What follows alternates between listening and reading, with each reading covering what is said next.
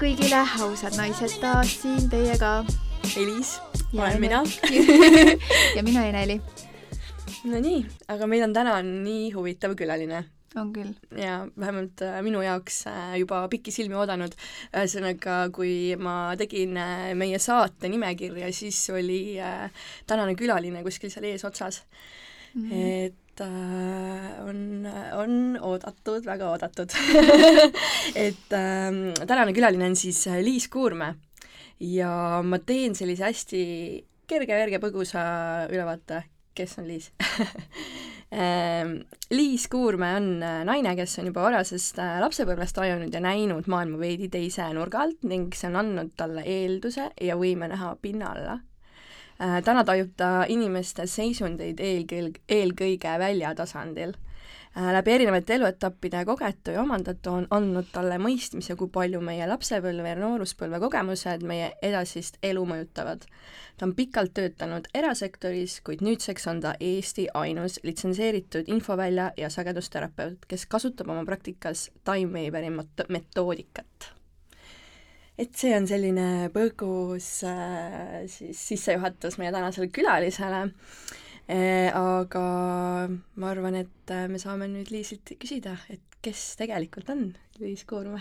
tere, tere sulle, Liis! tere ja mul on äh, esiteks muidugi hästi hea meel siin olla ja, ja teiega koos vestelda ja, ja, ja see ette nii-öelda sissejuhatav selline jutt minust oli nüüd küll väga tehniline vaata, see ongi see, et, et see on selline sissejuhatus, mida me saame sinust äh, väliselt öelda, aga siis ja. olekski huvitav teada, et aga kes see Liis nagu tegelikult on, mida sina tunned, kes sa tegelikult oled?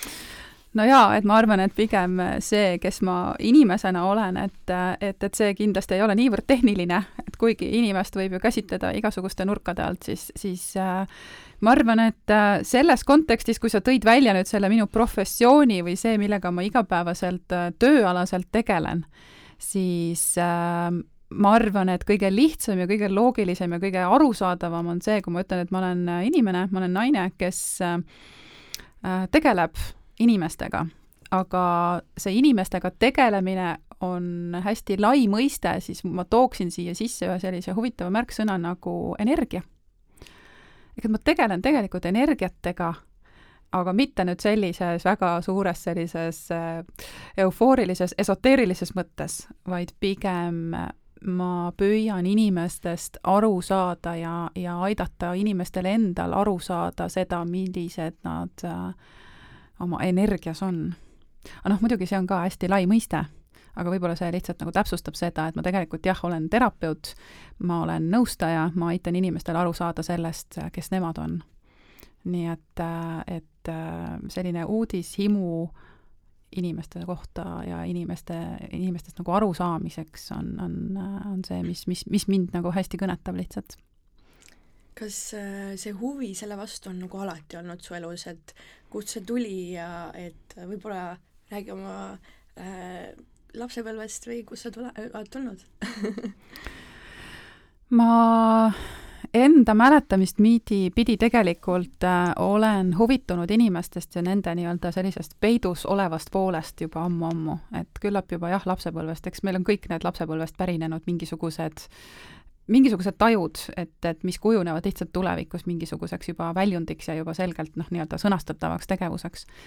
Et, et juba lapsepõlvest peale tegelikult ma olen tajunud, et, et on niivõrd palju maailmas seda, mida me silmaga ei näe, on niivõrd palju seda, mida me ei saa nagu nii-öelda käega katsuda või noh, nagu puudutada või ka kõrvaga kuulda, et seda maailma on ainult, et noh, et seda on nagu nii palju, seda ma ei teadnud aga küllap see hakkas mind huvitama ja läbi selliste erinevate elukogemuste, erinevate juhtumiste, sündmuste ma tegelikult hakkasingi seda, nii-öelda seda maailma palju rohkem juba mõistma ja, ja seoseid looma.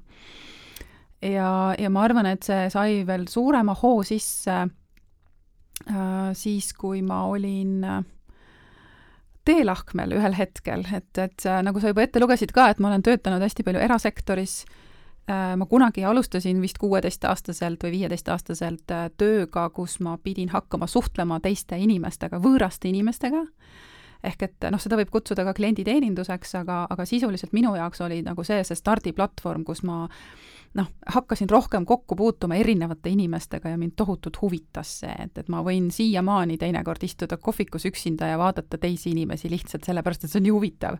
et mitte sellepärast, et nagu anda hinnanguid, et oh, mismoodi üks inimene käitub või on või niimoodi, aga mind lihtsalt huvitab vaadata inimest ja, ja, ja noh, ma arvan, et see lihtsalt ongi kuidagi nagu kujunenud selliseks, et mul on huvi inimeste vastu, selle vastu, kes nad on ja, ja mitte sellepärast just nimelt, et hinnanguid anda või kuidagi arvata neist midagi, vaid lihtsalt jälgida, et ma olen nagu see kõrvaltvaataja ja, ja see, see protsess mulle hästi meeldib lihtsalt mida sa sellise vaatlemisega õppinud oled, kui sa, kui sa niimoodi oled avastanud, et sulle selline asi meeldib, et kas on mingisugused sellised kõige olulisemad asjad, mida sa oled märganud, mida võib-olla tavaline inimene igapäevaselt ei märka üldse? No küllap see töö, mida ma täna teen terapeutiks olemisena, on, on mind noh, aina enam ja enam viinud noh, sinna, et, et äh, me paraku tänapäeva ühiskonnas inimestena kanname hästi palju maske mm. -hmm. et äh, need maskid, mida me igapäevaselt ka kas või tänaval või, või mingites ühiskondlikes ruumides kanname, et kui sa korraks istud maha ja siis vaatad seda inimest, kellel see mask ees on, et kui sa, kui sa hakkad vaatama tema kehakeelt, see, kuidas ta ennast tunneb, kui ta näiteks üksinda on või kui ta on mõne sõbraga koos, istub sealsamas kohvikulauas, eks ole, et, et noh, et, et, et, et see, see annab mulle justkui sellise noh, ma ütlen, minu jaoks on see selles mõttes nagu põnev mäng, et ma püüan mõistatada, et mis tal selle maski taga on, et, et ma püüangi aru saada, et, et mis on see tema noh, tema lugu, eks ole mm. -hmm. miks ta selline on ja, ja sellest kehakeelest ja kõikidest nendest inimestest äh, lihtsalt vaatluse järgi on võimalik juba välja lugeda hästi paljut. ja see minu jaoks lihtsalt ongi võib-olla selline noh, just nimelt see jälgimine ja ma õpin sealt sellest äh, iseenda kohta ka hästi palju, et milline ma siis ise olen, milline mm, -hmm. milline ma välja näen teiste inimeste jaoks, eks ole mm. -hmm. et ega ma ei saa öelda, et minul nüüd üldse maske ei ole. et loomulikult ma etendan täpselt samamoodi erinevaid rolle, nagu me kõik, eks ole, et küll ma olen nagu ühes rollis ja teises rollis ja kuidas see vahetus toimub, aga ikkagi, kui palju ma olen ka autentne mina ja et, et kas, kui palju ütleme, see teine inimene seal kohvikus istudes on autentne tema, et, et ja kui palju tal seda maski seal on, et, et see tegelikult paistab välja päris kaugele mis sa arvad, kuidas see inimene saaks aru, milline on see autentne tema ja milline on see mask? et kuidas nagu seda, kuidas nagu seda nagu äh,, nagu ära tuvastada, sest mõnikord ma olen täheldanud, et, et need maskid võivad olla ka nii sügavalt juurdunud mm -hmm. sinu sees, et sa isegi ei teadvusta endale, et sa kas-, kannad maske. hästi huvitav, et sa seda ütled, sest tegelikult äh, hästi palju inimesi täna on äh, justkui just nimelt identifitseerinud ennast läbi nende maskide äh, alles täna hommikul, just praegu nüüd, kui enne, kui ma siia teie juurde tulin, siis äh, mul oli üks klient, kes äh, tuligi minu vastuvõtule just nimelt selle murega, et ütleb, et äh, tead, ma olen kaotanud iseendaga kontakti. et see on, mulle tundub isegi, et meie tänapäeva ühiskonna vast kõige suurem probleem üleüldse, millest juhinduvad või lähtuvad kõik ülejäänud probleemid ka kaasa arvatud füüsilised haigused, kaasa arvatud meie elus täna ütleme, sellisel esikolmikus olev depressioon, on ju, et miks inimesed täna on nagu niivõrd suures sellises äh, Äh, noh, kriisis või miks toimuvad hästi suured sellised äärmustes olemised inimestes, on just nimelt see, et nendel on kaot-, kaotatud nii-öelda kontakt selle päris oma olemusega või sellega, et, et see, need rollid ja need maskid on saanud nagu rohkem omaks mm -hmm. kui see päris olemus, et noh, see päris olemuse teema üleüldiselt on hästi, noh, hästi keeruline selgitada, sellepärast just nimelt, et inimesed enam ei taju, et, et, et mis asi see siis on või et, et kus ma siis tean, et kes ma siis nüüd olen, et kas ma olen siis mhm. see või see või kolmas aga noh, elu ja ühiskond ja, ja kogu selline maailma noh, et ma ütlen, et energeetika, on ju, et, et tegelikult kogu see, see elu, mis meid ümbritseb täna, on meil noh, viinud sinna, nii et me oleme eraldunud iseendast hästi-hästi palju. See on, see on nii äh, huvitav, sind kuulates mulle kohe tuleb meelde, et ma alles hiljuti äh, avastasin ühe oma lähedase tuttava äh, ka selle sarnase probleemi ees, et, et, et ta noh, nii-öelda valis enda suunda väga palju läbi selle, et et noh, et kas ma nüüd teen seda tööd või seda tööd või seda tööd. ehk siis see, nagu sa ütlesid, et me identi-, identiteedime või identifitseerime ennast siis nagu läbi mingisuguste rollide, on ju. Mhm. ja, ja siis, ja siis ma nagu mõtlesin, et, et okei okay,, et ma olen mingis mõttes ise läbi käinud selle tee, et ma täna olen oluliselt rohkem iseenda sellise algolemusele lähemal kui kunagi varem. kuigi see on ka veel protsess, sest ma saan aru, et see ei ole nagu noh, ma ei ole veel päris seal mm. -hmm. ja mulle tundub, et see ongi võib-olla võimatu päris lõpuni sinna jõuda, on ju. kes teab aga, aga siis äh, temale selgitades äh, seda, et, et, äh, et, et ma nagu märkasin selle kohe ära, siis ma ütlesin, et kuule, et oota, et et aga miks sa arvad, et, et, et see, vot see asi võiks sulle üldse sobida. et, et proovi nagu et, et noh, ühesõnaga, et mul tuli nagu see soov öelda talle, et, et tead, et noh, et mina olen teinud niimoodi, et, et olen kujutanud ennast ette selliselt, et võtan ära kõik ühiskonnakihid, ehk siis kõik need asjad, mis minult oodatakse mm, -hmm. kõik mhm. asjad eemaldan nagu täiesti ära mm, -hmm. kujutan ette, et seda ei ole minult, mitte keegi ei oota minult mitte midagi. kujutan ette, et mul ei pea olema mitte ühtegi ametit, et ma ei pea mitte midagi tegema. ja, ja et ma olen üldse nagu siin maakeral olemas, siin on inimesed, aga ma ei pea mitte kellelegi midagi tegema, mingeid kohustusi, mitte midagi sellist ei ole ja siis proovin olla sellega mõni aeg ja siis vaadata, mis sealt nagu välja koorub mm. -hmm. et see oli nagu, ütleme, see on see, mhm. kuidas mina nagu näiteks tajun täna seda, ütleme, võib öelda algolemuse osa või mm -hmm.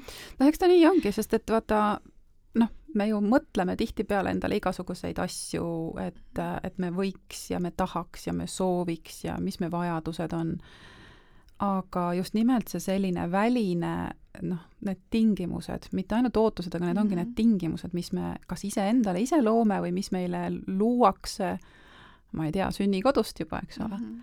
et need nagu vormivad meid niimoodi ühtepidi ja teistpidi ja kolmandat pidi ja lõppkokkuvõttes äh, noh, ühel hetkel, kui sa oled nagu oma, oma elus mingil teelahkmel, et mis ma siis nüüd ikkagi teha tahan või kes ma siis nüüd ikkagi olen, siis ongi täielik segadus. oo oh,, see on, see on väga vastik segadus, ma olen selles kohas olnud vist päris mitu korda oma elus. mina ka, ja mul on nagu see, et ma leian, on ju, selle ja see on nüüd minu asi ja siis see vahepeal tulevad need langused, et mm -hmm. siis mhm. hakkad kahtlema nagu, et on ikka või, aga siis leiad kuidagi jälle jõu ja siis lähed nagu, et jaa, et ikka see on minu asi ja siis nagu noh. no väljund võib olla erinev, sa, sa võib-olla teadki täpselt, mis asi see sinu asi on, aga see väljund ei pruugi olla just nagu see õige. et sa võid leida selle sama, jaa, just, just mm. -hmm. et äh, kõik võib olla, muidugi mm. -hmm aga sa rääkisid siin sellest algolemusest, et võib-olla inimesed nagu ei tea, mis see on täpsemalt või, või noh, et äkki sa räägid, mis see sinu jaoks on, see inimese algolemus? jah, ma tõepoolest ei saa üldistada, et, et mis see algolemus siis on või mingisugune yeah. definitsioon sellele öelda yeah. Aga algolemuse mõte minus endas on äh, ka jällegi niimoodi ajapikku kujunenud, et äh, see algolemus minu jaoks seostub hästi palju loodusega. Ja miks just loodusega on, on see, et, et äh, mida rohkem ma olen ise noh, iseendaga tegelenud ja, ja kogenud ja läbi elanud ja võib-olla õppinud erinevaid, ma ei tea, kursuseid pidi ja nii edasi, siis siis mida rohkem ma noh, ütleme, mõistan ja, ja loon seoseid, seda rohkem ma näen, et tegelikult meie algolemus ongi ikkagi lihtsalt üks osa sellest loodusest. Sellest noh, päris õigest loodusest, mitte see, mida meie kujundame siin looduseks, ehk et kui me arvame, et me ma ei tea, võtame puid maha või siis äh, kujundame võib-olla kusagil mingit rannajoont ümber, et noh, see ei ole loodus, see on juba kujundatud, see on inimese käe läbi justkui vormitud jälle tingimused, on ju mm. -hmm. aga kui me võtame selle päris, päris eheda ürgse looduse ja kui me mõtleme ennast kas või mitu sajandit võib-olla tuhat aastat tagasi, millise, mil-, millised eluvormid sel hetkel olid.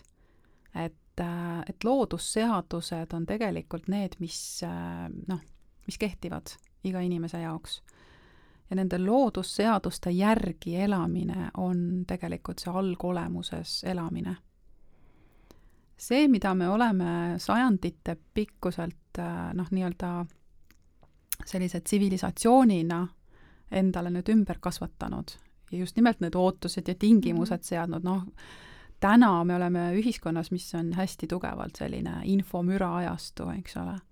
et noh, sealt leida seda looduse algolemust on ikka hullult keeruline minu arust.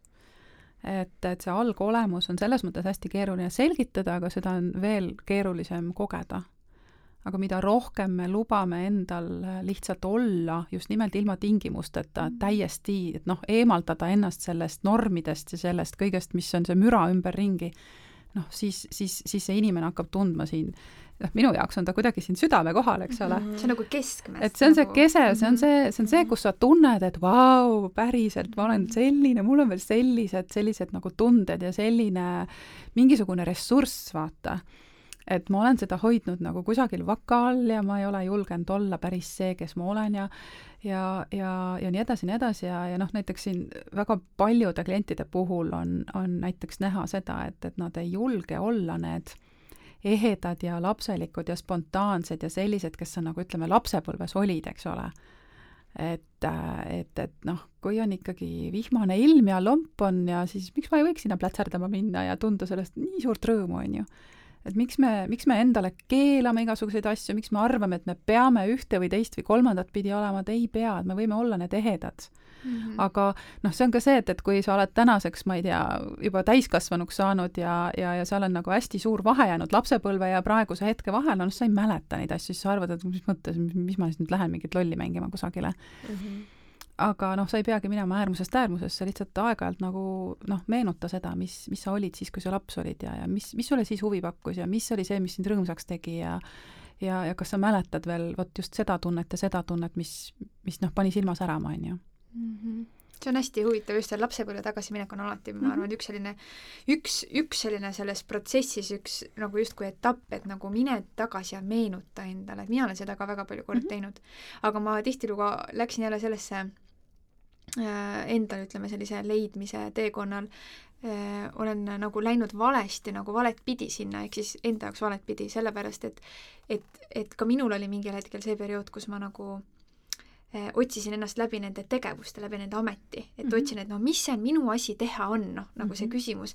ja siis see, mis see minu asi teha on, tuli alati läbi selle, et see peab olema siis nüüd mingi amet, mis mulle sobib, et kuidas on niimoodi, et IT-mees leidis endale selle arvuti ja talle nii meeldib ja no mina, no mulle ei meeldi, on ju. Mhm. või et, või et tema leidis vot selle ameti ja, ja talle nii meeldib ja mulle ei meeldi, on ju. Mhm. et, et samamoodi nagu kuidagi läbi selle ja siis samamoodi läbi selle ma läksin ka lapsepõlve, et hakkasin vaatama, et okei okay,, et aga et et mis mulle siis nii väga teha meeldis, no okei okay,, mulle meeldis väga palju joonistada, aga siis jälle see nagu on kuidagi piiritletud. et see ongi see, et, et sa nagu, et, et sa nagu meenutad sellel hetkel ainult siis neid mingisuguseid tegevusi, aga sa ei meenuta nagu seda kogu olemust või seda kogu just. seda, neid erinevaid tundekomplekse, mida sa kogesid sellel hetkel. just, selline vabadus olla mhm. lihtsalt mm -hmm. see, kes mm -hmm. sa mhm. oled, on ju, et, et aga ma arvan, et me surume alla seda, kui me täiskasvanuks saame. muidugi, just nimelt. me ei pea seda õig-, nagu õigeks või kuidagi, et see on vale või aga, aga, aga oled sa mõelnud, kust see tuleb? ma arvan, et see ongi ühiskond ja vanemad. mitte ainult mm.? soov olla vastu võetud. jaa mm., sest inimese algolemuse kõige olulisem osa on see, et ta tahab tunda ennast äh, aktsepteeritud ja armastatuna mm. -hmm. aga miks? tegelikult ju noh, vaadake see võib-olla läheb meil teemast mööda natukene, ega mina ei tea. Aga mõte on ju tegelikult selles, et, et miks me siia ellu üldse tuleme, et millest, millest üldse inimene noh, nii-öelda alguse saab. et inimene saab alguse eluenergiast ja me võime sinna võrdusmärgi tuua ka seksuaalenergia, eks ole, seksuaalenergia tegelikult ongi eluenergia. et, et, et sind ja sind ei oleks olemas olnud, kui ei oleks olnud teie vanemaid ja seksuaalenergiat ehk eluenergia nii-öelda resonantsi omavahelist.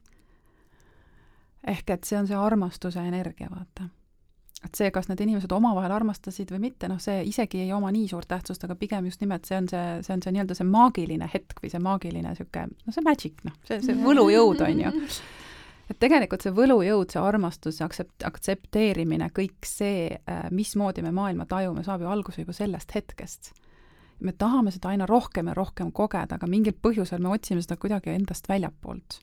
me otsime seda läbi äh, enese töö ja töö nii-öelda väljundi, me otsime seda läbi teiste inimeste, tegelikult see ressurss on kõik meis endis olemas, see on see algolemus jälle, on ju. et see on see kõik, mis on sinus olemas, lihtsalt noh, küsimus on, kui palju sa läbi nende igasuguste nagu oma eluolukordade noh, sellega, seda nagu kasutada oled saanud.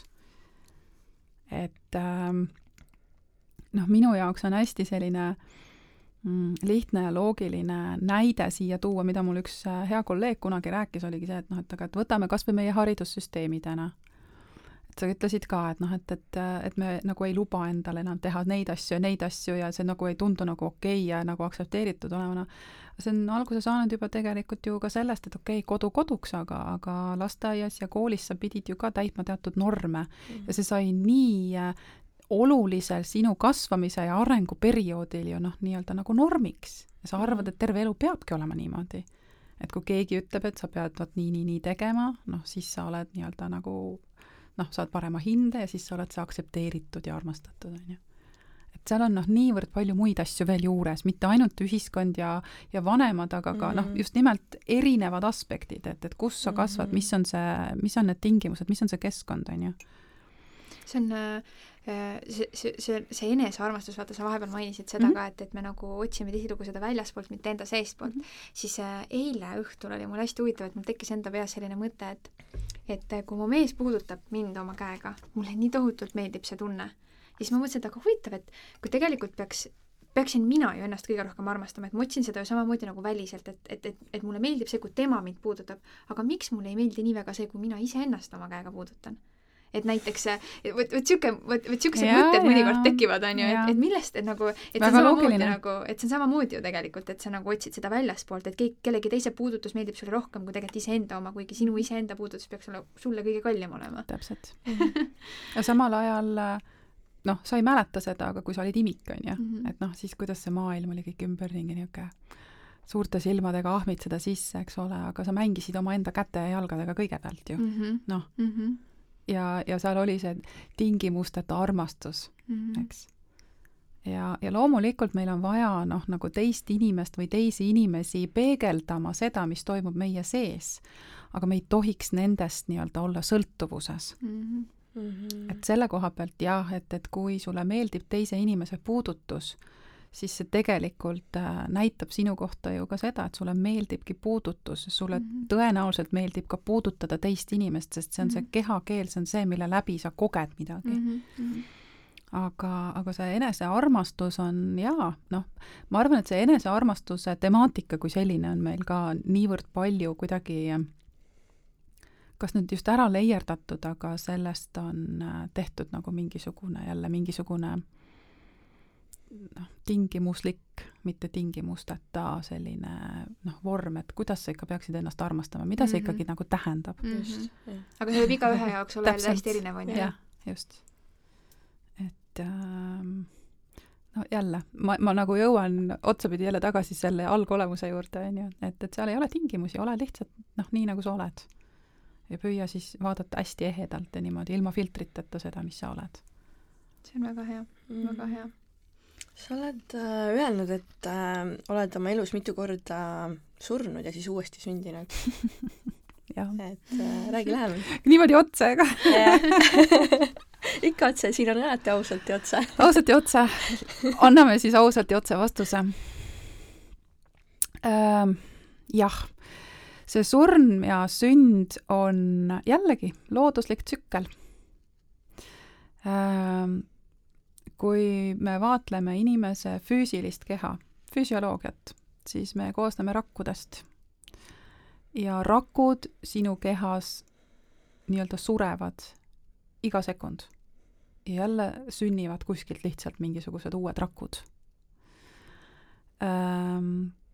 igal hetkel, igal sekundil sa tegelikult mingi osa sinust sureb ja siis sünnib midagi uut ja see, kus äh, ma olen jah, ühes oma videoblogis öelnud seda, et, et ma olen mitu korda surnud ja siis jälle uuesti ellu ärganud, tähendab minu jaoks ennekõike seda, et ma olen võtnud vastutuse ja ma olen otsustanud, et need äh, takistused, need uskumused, need mustrid, haiget saamised äh,, valud et ma lihtsalt äh, lasen neil ära surra.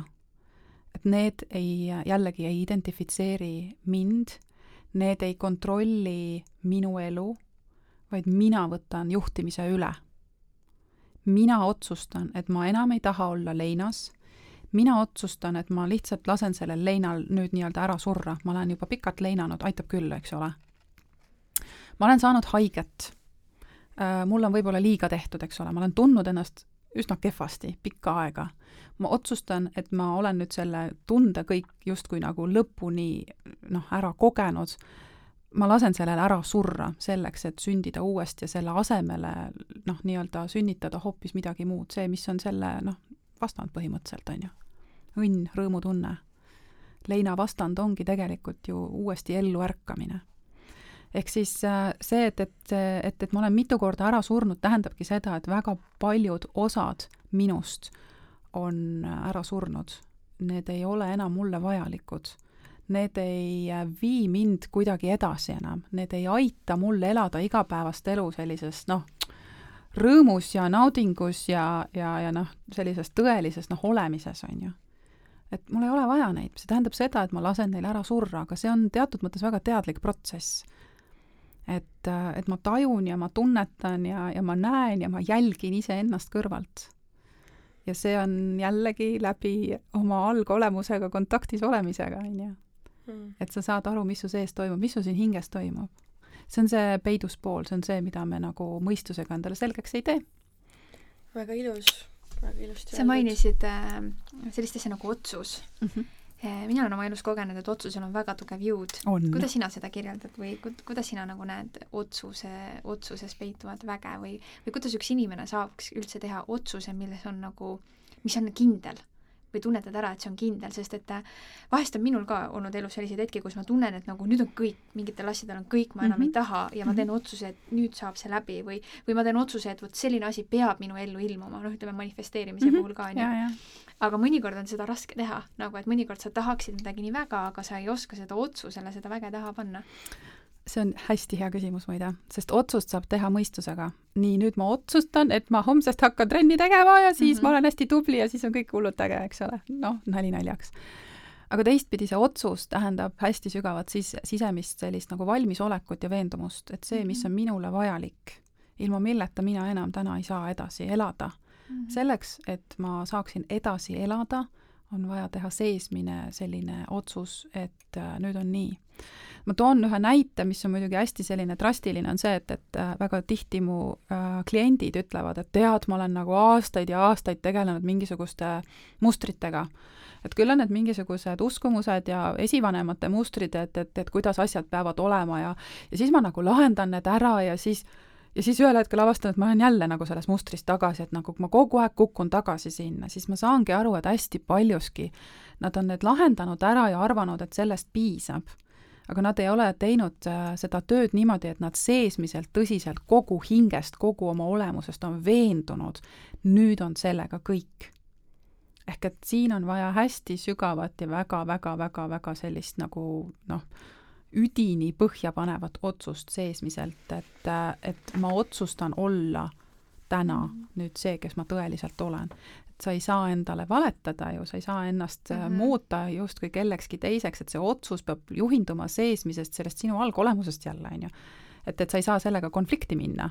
et see ongi nagu seotud selles mõttes meie nagu nende tundekompleksidega no,, et kui ma tunnen enda sees, et nagu või ühesõnaga, et, et nagu see tundekompleks, aga teisest küljest näiteks mõnikord on ka see, et nagu et noh, jah, nagu sa ütlesid tegelikult, et mõistus nagu tahab, aga nagu see seesmine tunne veel justkui ei taha näiteks, et just, siis see tähendab seda, et sa ei ole veel valmis seda otsust vastu võtma. ja seal on veel konflikt sees, eks mm -hmm. ole, ja sa, siis sa püüad nagu mõista, et mis see konflikti olukord see siis on, et, et miks siis nagu mõistus ütleb ühte ja süda ütleb teist, eks mm -hmm. ole ja tihtipeale inimesed ütlevad ka, et noh, et, et kui nad teevad mingeid otsuseid äh, mõistusega, et noh, siis nad panevad ikka alati puusse, noh mm -hmm., sõna otseses mõttes see läheb ikka täitsa metsa mm. -hmm. aga kui sa juhindud lisaks mõistusele ka oma sisetundest, sellest, mis seesama, see süda ütleb seal või mm -hmm. sisetunne või mhm. see intuitsioon, vahet ei ole, kuidas seda nimetada, et siis, äh, siis see õnnestub alati.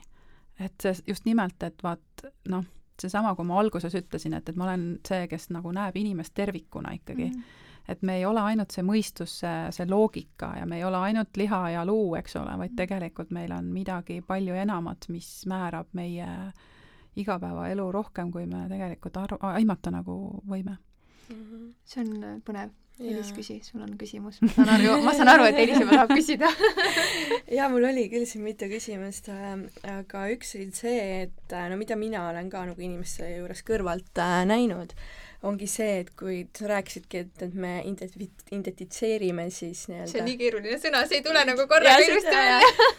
okei. me samastame. jah, kasuta lihtsamat sõna, me samastame ennast selle äh, nii-öelda enda kogemuse, elukogemuse näiteks lapsepõlve mingi traumaga ja mm -hmm. siis me ei tahagi nagu sellest lahti lasta, sest see on meie, see on meie nii oma vaata. ja, ja, ja siis ongi, et me tahame küll nii hullult muutust mm, -hmm. aga me ei taha sellest ka lahti lasta. ja siis on see nagu nii hull konflikt ja ja, ja siis me kardame ka seda lahti lasta. loomulikult, mõtle, see eeldab sinust mugavustsoonist välja tulemist ju. ja sa ei tea, mis üldse saama hakkab. püha taevas, eks, et noh, see on see kõige hullem asi ju. just, just. et äh, jah, ma hetkel ei tule. aga ma mõtlesin, et äh, lähme korra äh, Äh, Timewaveri juurde, millega sa tegelikult äh, tegeled ja selle metoodika juurde mm, -hmm. et see on ka väga põnev teema ja mina näiteks ei teadnud sellest mitte midagi.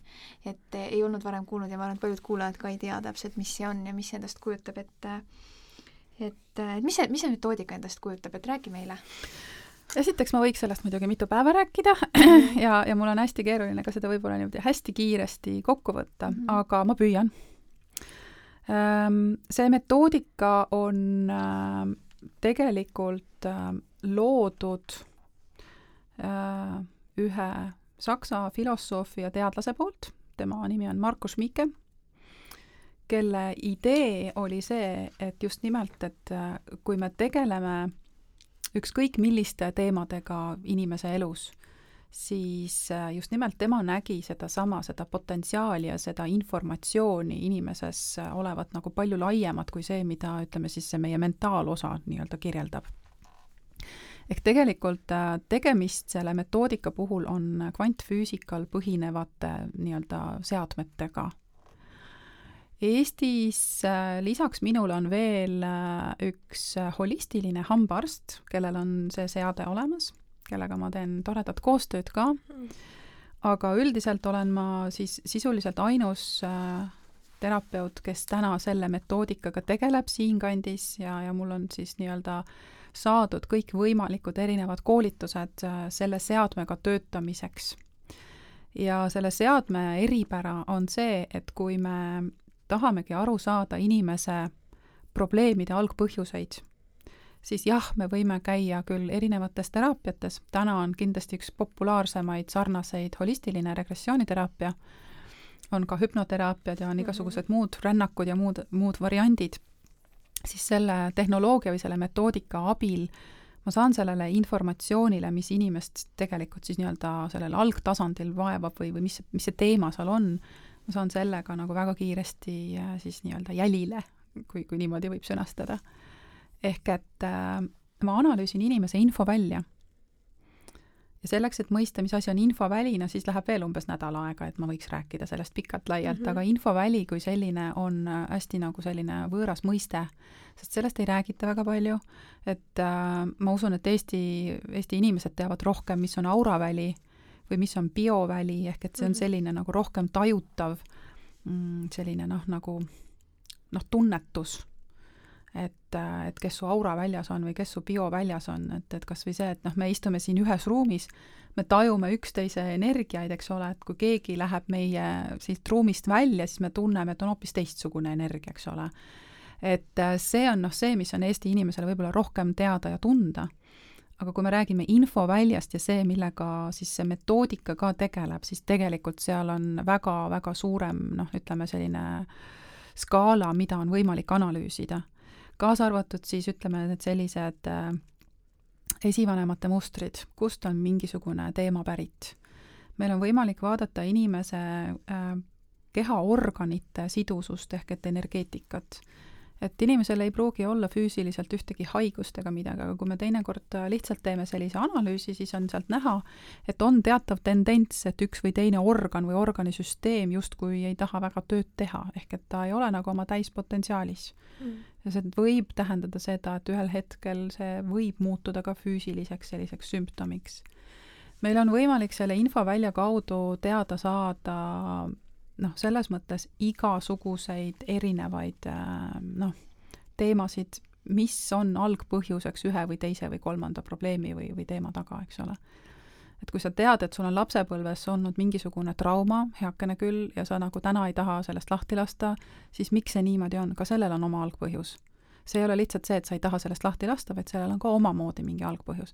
võib-olla sul on äh, olnud veel mingeid traumasid, mida sa ei mäleta, võib-olla mida sa oled noh, nii-öelda aju on välja lülitanud, mida ta ei, noh, ei, lihtsalt ei mäletagi enam. võib-olla on seal esivanematel olnud mingisuguseid traumasid, võttes arvesse meie enda ajalugu siin, eks ole mm. -hmm ja see on raku mälus justkui nii-öelda informatsioonina edasi kandunud, ehk et tegelikult sellesama metoodika abil siis ongi võimalik äh, väga otse ja ehedalt äh, näha ära, et mis on need algpõhjused, kust nad pärinevad ja siis vastavalt ära lahendada kohe nüüd, siin ja praegu aga kuidas see, kuidas see teraapia selles mõttes välja näeb, et kui inimene nüüd tuleb su juurde, et mm -hmm. kuidas see nagu väliselt paistab, et mis sa sellel hetkel teed, kuidas sa toimetad, sa võtad selle massina, inimene istub sul seal, et noh, et mhm. nagu kuidas see nagu võib-olla illustreerivalt Äh, jaa, minult on küsitud, et mismoodi see käib, et kas peab riidest lahti võtma ja nii edasi ja nii edasi, ma ütlen ei, midagi sellist ei pea tegema, kui just ei taha. Aga äh, jah, inimene tuleb mulle vastuvõtule, tavaliselt esimene kord on kaks tundi, et äh, selleks, et kõigepealt ma püüan mõista, et mis on selle inimese teema, millega me tegeleme üldse tegelikult ei pea isegi teemat olema, mõni inimene tuleb lihtsalt huvist ja uudishimust, eks ole, et noh, aru saada, mis üldse tema infoväljas toimub ja, ja mis see seis on seal ja kas ta kasutab oma täit potentsiaali ja kas see tema väljund, mida, millega ta täna tegeleb, on noh, tema jaoks õige ja oluline. et äh, aga üldiselt äh, see välja näeb niimoodi, et, et ma kõigepealt teen inimesest foto, siis sisestan ma erinevad andmed ehk et nimi ja sünniaeg ja sünnikoht ja, ja võib-olla siis ka praegune elukoht ja, ja siis on see seade minul laua peal, kuhu ta siis paneb oma käe, kust siis erinevad sellised andurid salvestavad just nimelt siis tema selle infovälja DNA ehk selle energeetilise sellise unikaalse koodi. ja kuna see masin on siis, see seade on ühendatud tarkvaraga, siis see tarkvara näitab mulle siis vastavalt selliseid nii-öelda kirjeid äh, või siis noh, nii-öelda seda teksti mis siis, äh, mis siis peegeldab seda tema nii-öelda infoväljas toimuvat niimoodi ausalt. et, äh, et, et see, see, see seanss näeb välja selline vestluse vormis ja, ja vastavalt siis sellele, mida infoväli näitab selle konkreetse inimese kohta, siis see on see, mida ma tõlgendan küsin, et kas see on niimoodi või ei ole niimoodi ja mis sa arvad, et kui su väli näitab, et vot sul on täna vaja vot just neid, neid, neid, neid, neid teemasid lahendada, nende, nende, nende, nende asjade taga on vot veel need, need, need asjad, siis et noh, tegelikult me püüamegi siis vastavalt sellise nii-öelda protsessi kaudu istudes ja vesteldes aru saada, et okei okay,, et mis me siis nüüd edasi peame tegema, on ju see on nii huvitav, ma, ma viskan praegu, ma tean, et helistati siis küsida, aga ma lihtsalt kommenteerin, et see on nii huvitav, see tundub täpselt niisugune tunne, nagu see masin oleks nagu leiutatud nagu selgeltnägija masin nagu, nagu ja seda on, jaa, seda on mulle öeldud ka, et see on nagu mehaaniline selgeltnägija. no põhimõtteliselt on, aga, aga mis asi on selgeltnägemine tegelikult, see on puhas kvantfüüsika mm. -hmm. ehk et kui me Eestis inimestel on meeletult suur huvi täna muide selgeltnägemise vastu mm -hmm. ja on meil neid tervendajaid ja nägijaid ja kaardipanijaid ja nii edasi, nii edasi, et, et noh, eestlased on oma muide algolemuselt vägagi loodusrahvas ja vägagi selliselt selgeltnägijad mm, -hmm. siis selles ei ole midagi sellist esoteerilist või uhuu või voodoo asja, vaid see on nagu väga selline selge märk sellest, et inimesed janunevad vot just nimelt sellise natukene nagu maagilise või sellise mm peidus pool oleva järele. aga tegelikult teavad, et see on olemas ja, ja. ja lihtsalt see on see, et, et täna on võib-olla paljudel need nii-öelda võimed sellisel kujul suletud, et mm -hmm. seda nagu vahetult kogeda. no eks ta nii ongi mm, -hmm. jah. aga et ei, see masin ei ole nagu selgeltnägija, vaid ta pigem näitabki inimesest seda mm -hmm. alateadvusest, seda, mis, mis temas on. enamasti need inimesed teavad, et jah, et on küll niimoodi ja nad nõustuvad sellega et aga lihtsalt nad ei ole võib-olla osanud luua omavahelisi seoseid ja. oma probleemide ja algpõhjuste vahel. jah, sest need seosed ongi need kõige sellisemad. Mm -hmm sa pakud kahte teenust, et üks on sagedus ja teine on infovälja ja. teraapia, et kas -hmm. sa põimid nad kokku või sa pakud neid eraldi või kuidas see on sul? vastavalt vajadusele. ja mis nende erinevus on? jaa. no see infovälja teraapia just ongi nimelt see, mida ma just hetk tagasi kirjeldasin mm, -hmm. ehk et see on just nimelt selline analüüs ja vestlus, aga kui ma räägin sagedusest, siis tihtipeale ma kasutan neid paralleelselt aga vahetevahel tuleb ette ka, et ma teen ainult sagedusteraapiat või ainult infoväljateraapiat mm. -hmm. et äh, sageduse mõte on nüüd võib-olla juba natukene sellisem lihtsam ja, ja selgesti mõistetavam.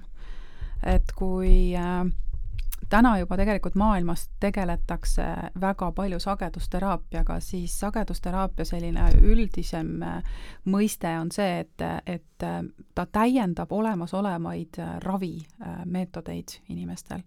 et kui on, ütleme, sellised füüsilised või siis ka psüühilised probleemid, et siis äh, noh, toome näiteks, et kui äh, kukud ja sul on trauma, et, et sul on mingisugune luu on kuskil katki, siis see tähendab seda, et sinu füüsilises kehas teatud rakud ei tööta. ehk nad on trauma saanud.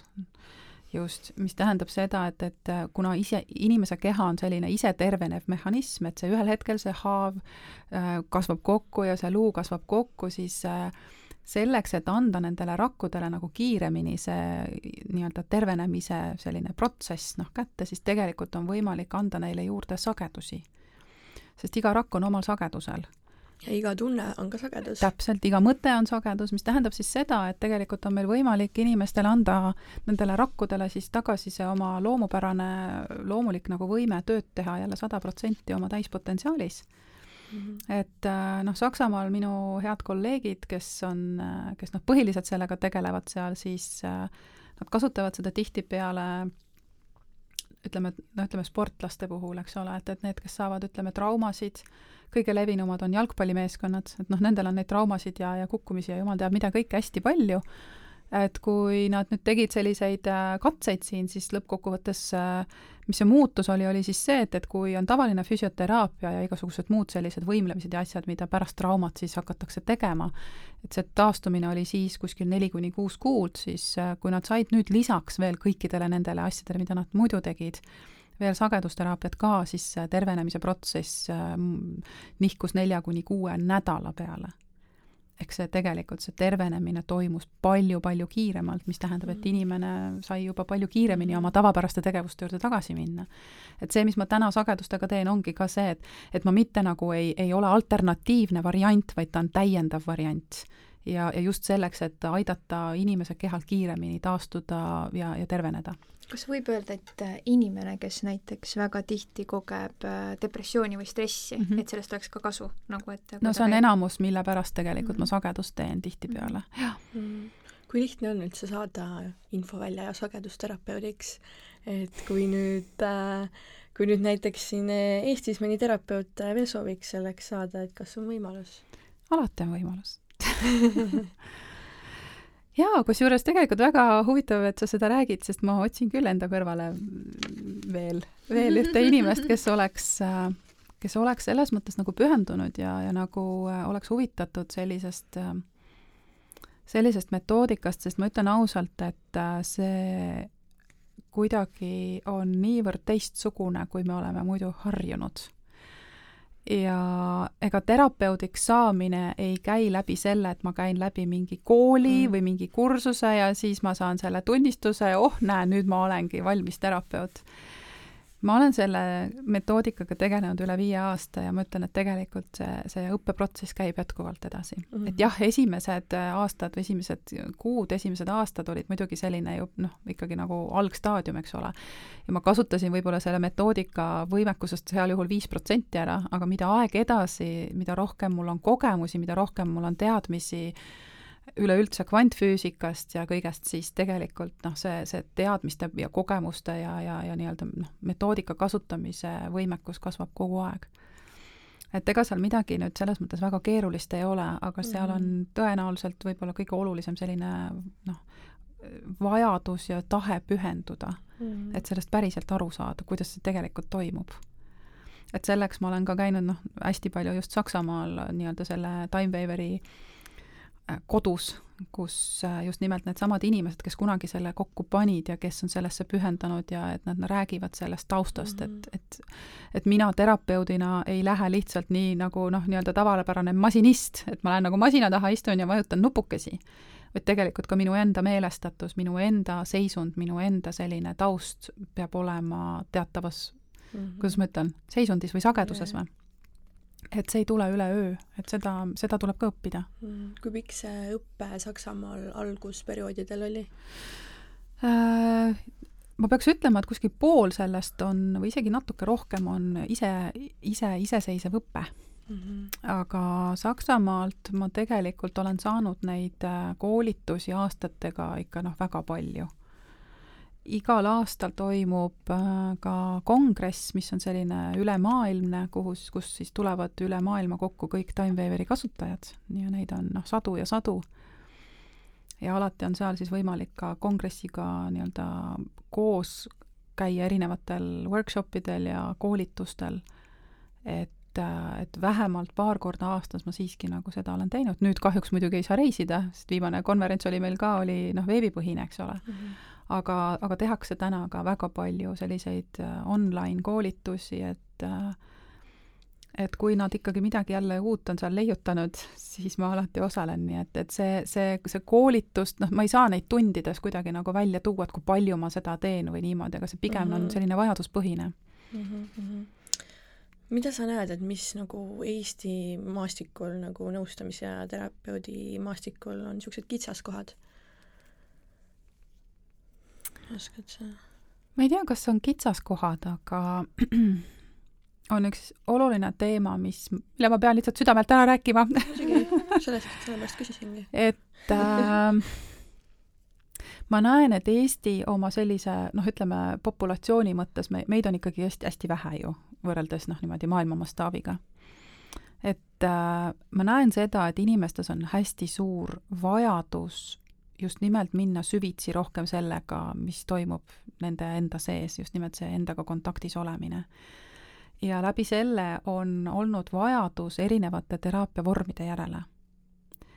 ja mis see kitsaskoht, ma ei tea, kas ta on kitsaskoht või mitte, aga ma näen, et väga paljud teraapiavormid on läinud seda teed, et nad vastanduvad. et kui me võtame kas või traditsioonilise vaatenurga, ütleme, psühhiaatrid ja psühholoogid ja psühhoterapeudid ja me võtame ka sinna kõrvale holistilised terapeudid, äh, võib-olla mingisuguste teistsuguste metoodikate praktiseerijad, siis nad tihtipeale vastanduvad. ehk et äh, see on see, mis mul on südamel. ma pigem näen, et Eestis võiks rohkem olla koostööd miks ma seda niimoodi välja ütlen ja miks ma, miks see mul on südamel olnud juba kõik need viis aastat ja võib-olla isegi kauem, on see, et äh, me oma väikese rahvana oleme läinud mitte ainult äh, teraapiate kontekstis, vaid tegelikult terves ühiskonnas hästi palju vastandumise teed. et üks annab mhm. teisele ja siis teine annab jälle ühele niimoodi vastu nägu, on ju ja, ja kui sa vaatad kas või poliitikat, kas sa võtad üleüldiselt sellist ühiskonna mentaliteeti, siis seal on ainult vastandumine. nüüd, miks ma seda räägin või miks see mul südamel on, on see, et äh, ennekõike just nimelt seesama süsteem, see Timewaveri süsteem, millega ma täna tegelen igapäevaselt, ja kui ma lähen äh, just nimelt Saksamaale või ükskõik kuhu mujale maailma, siis äh, sellist metoodikat, mida mina kasutan, ei kutsuta alternatiivmeditsiini valdkonda kuuluvaks, nii nagu Eestis on, et on tõenduspõhine ja kõik ülejäänu on alternatiiv, noh, see ongi mm -hmm. see mhm. vastandumine, on ju mm. -hmm. vaid tegelikult äh, mujal maailmas kutsutakse seda täiendavaks ehk integratiivseks. ma ise õpin täna ülikoolis, kahjuks mitte Eestis, integratiivmeditsiini. ja see tähendab tegelikult seda, et äh, noh, see kitsas koht minu jaoks täna Eestis on see, et me hästi palju vastandume, me välistame midagi. aga tegelikult me võiksime tuua rohkem kokku neid inimesi, kes tegelevad erinevate metoodikatega, erinevate teraapiavormidega, et me saaksime inimest aidata tervikuna ja mitte õigustada, et vot minu metoodika on nüüd see kõige õigem ja sa pead ainult seda tegema ja vot siis sa oled nagu terve ja õnnelik ja jumal teab mis kõik, eks ole, lubada asju kokku. vaid pigem me tegelikult võiksime teha rohkem koostööd mm., me võiksime rohkem täiendada, aidata ja toetada üksteist, mitte vastanduda.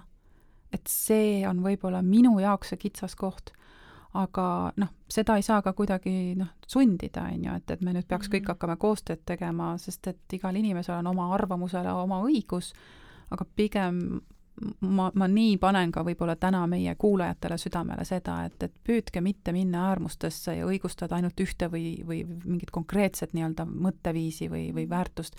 et, et aktsepteerige seda, et, et, et, et on ka nagu teisi variante, mis võivad täiendada seda olemasolevat, on ju. see on nagu selline äh, Äh, huvitav omadus paljudel inimestel nagu uskuda kõike seda, mis nad mingil hetkel on saanud, seadmata seda, mida nad on, see info, mida on saanud, seadmata seda kahtluse alla mm -hmm. ja siis, kui tuleb midagi muud juurde, mis võib olla nagu sellest, mida sa oled õppinud või mida sa oled teada saanud, nagu teistsugune, siis kiputaksegi nagu vastandama. mul alles hiljuti oli ka sarnane mm -hmm. kogemus äh, konkreetselt ühe inimesega, kes tuli mulle kirjutama Messengeri mingisuguse kolmanda isiku kohta, halvustama, hinnanguid andma ja, ja üldse nagu noh, ütleme seda maailma, mis, mida ei ole võimalik tõestada mm, -hmm. siis äh, äh, siis tuli nagu halvustama seda ja siis ma küsisin talt ühel hetkel, et aga et noh, sest et ta ise ütles sellise lause välja, et et, et tema oli, et tema on sellepärast, usub, mis ta nagu, et tema, et, et kõik peab olema tõestuspõhine, sellepärast et et tema oli kunagi koolis tubli õpilane ja, ja tema on ikka ilusti õppinud ka, et tema arvab, et kõik teised ei ole õppinud, et nad lihtsalt kujutavad mm -hmm. midagi ette endale mm. -hmm. ja siis, siis ma küsisin, et aga kas sa oled sada protsenti kindel, et kõik see, mida sulle koolis õpetati, kõik see, mis on raamatutes kirjas on, on sada protsenti tõde, kas sa oled kontrollinud seda? Või sa usud kinnisilmi. et, et tegelikult see on selline mhm. hästi huvitav, mida need inimeste puhul märganud, et, et, et nad leiavad, nad nagu põhinevad mingisugusel asjal, aga nad tegelikult nagu põhinevad ka mingisugusel oletusel, mis tegelikult ei pruugi ju sada protsenti ka tõde olla jah, ja tõenduspõhisus eeldab teatud metoodikat ja täna mm -hmm. need metoodikad ei pruugi alati olla kõik just nimelt tõesed mm. -hmm. sest see, millega ma tegelen, see on kvantfüüsika. esiteks, kvantfüüsikast muidugi väga palju ei teata, kuigi jah, teadlikkus on selles suunas ka hakanud kasvama, kvantfüüsikast on hakatud vaikselt rääkima, aga kvantfüüsikat tihtipeale selline tõenduspõhine selline teadus väga ei aktsepteeri sellepärast, et äh, kvantfüüsikas äh, käivad need metoodikad natuke teistsugustel alustel.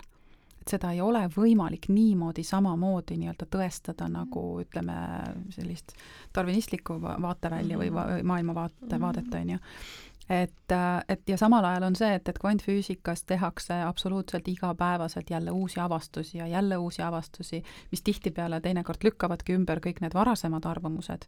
et, et ma sellepärast noh, pigem ise ka olen hästi selline avatud ja, ja noh, võin lugeda ennast ka teatud mõttes skeptikuks, eks ole, et, et kui sa ütled mulle, et asi on niimoodi, siis ma ütlen, okei okay,, see on sinu arvamus, väga tore, aga kui ma arvan natuke teistmoodi, et, et sellest pole ju mitte midagi. et noh, me võimegi omada teatud arvamusi, aga see ei tähenda seda, et kõik teised võiksid ja peaksid sedasama arvama.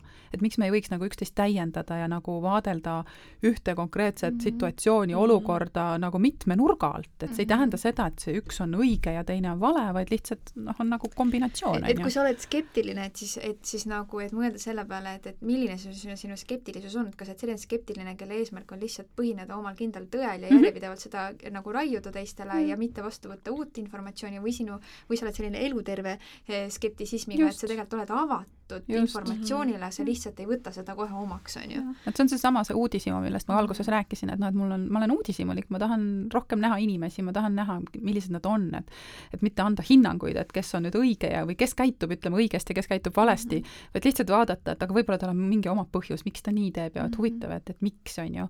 et, et see, see pigem see uudishimu ja selline avatud olemine on see, mis on minu meelest just nimelt eluterve mm. -hmm. et see mitte ei, ei, ühesõnaga, me mitte ei otsi kogu aeg vigu, vaid me mm -hmm. otsime just nimelt seda positiivsust ja me otsime seda võimalust, eks ole.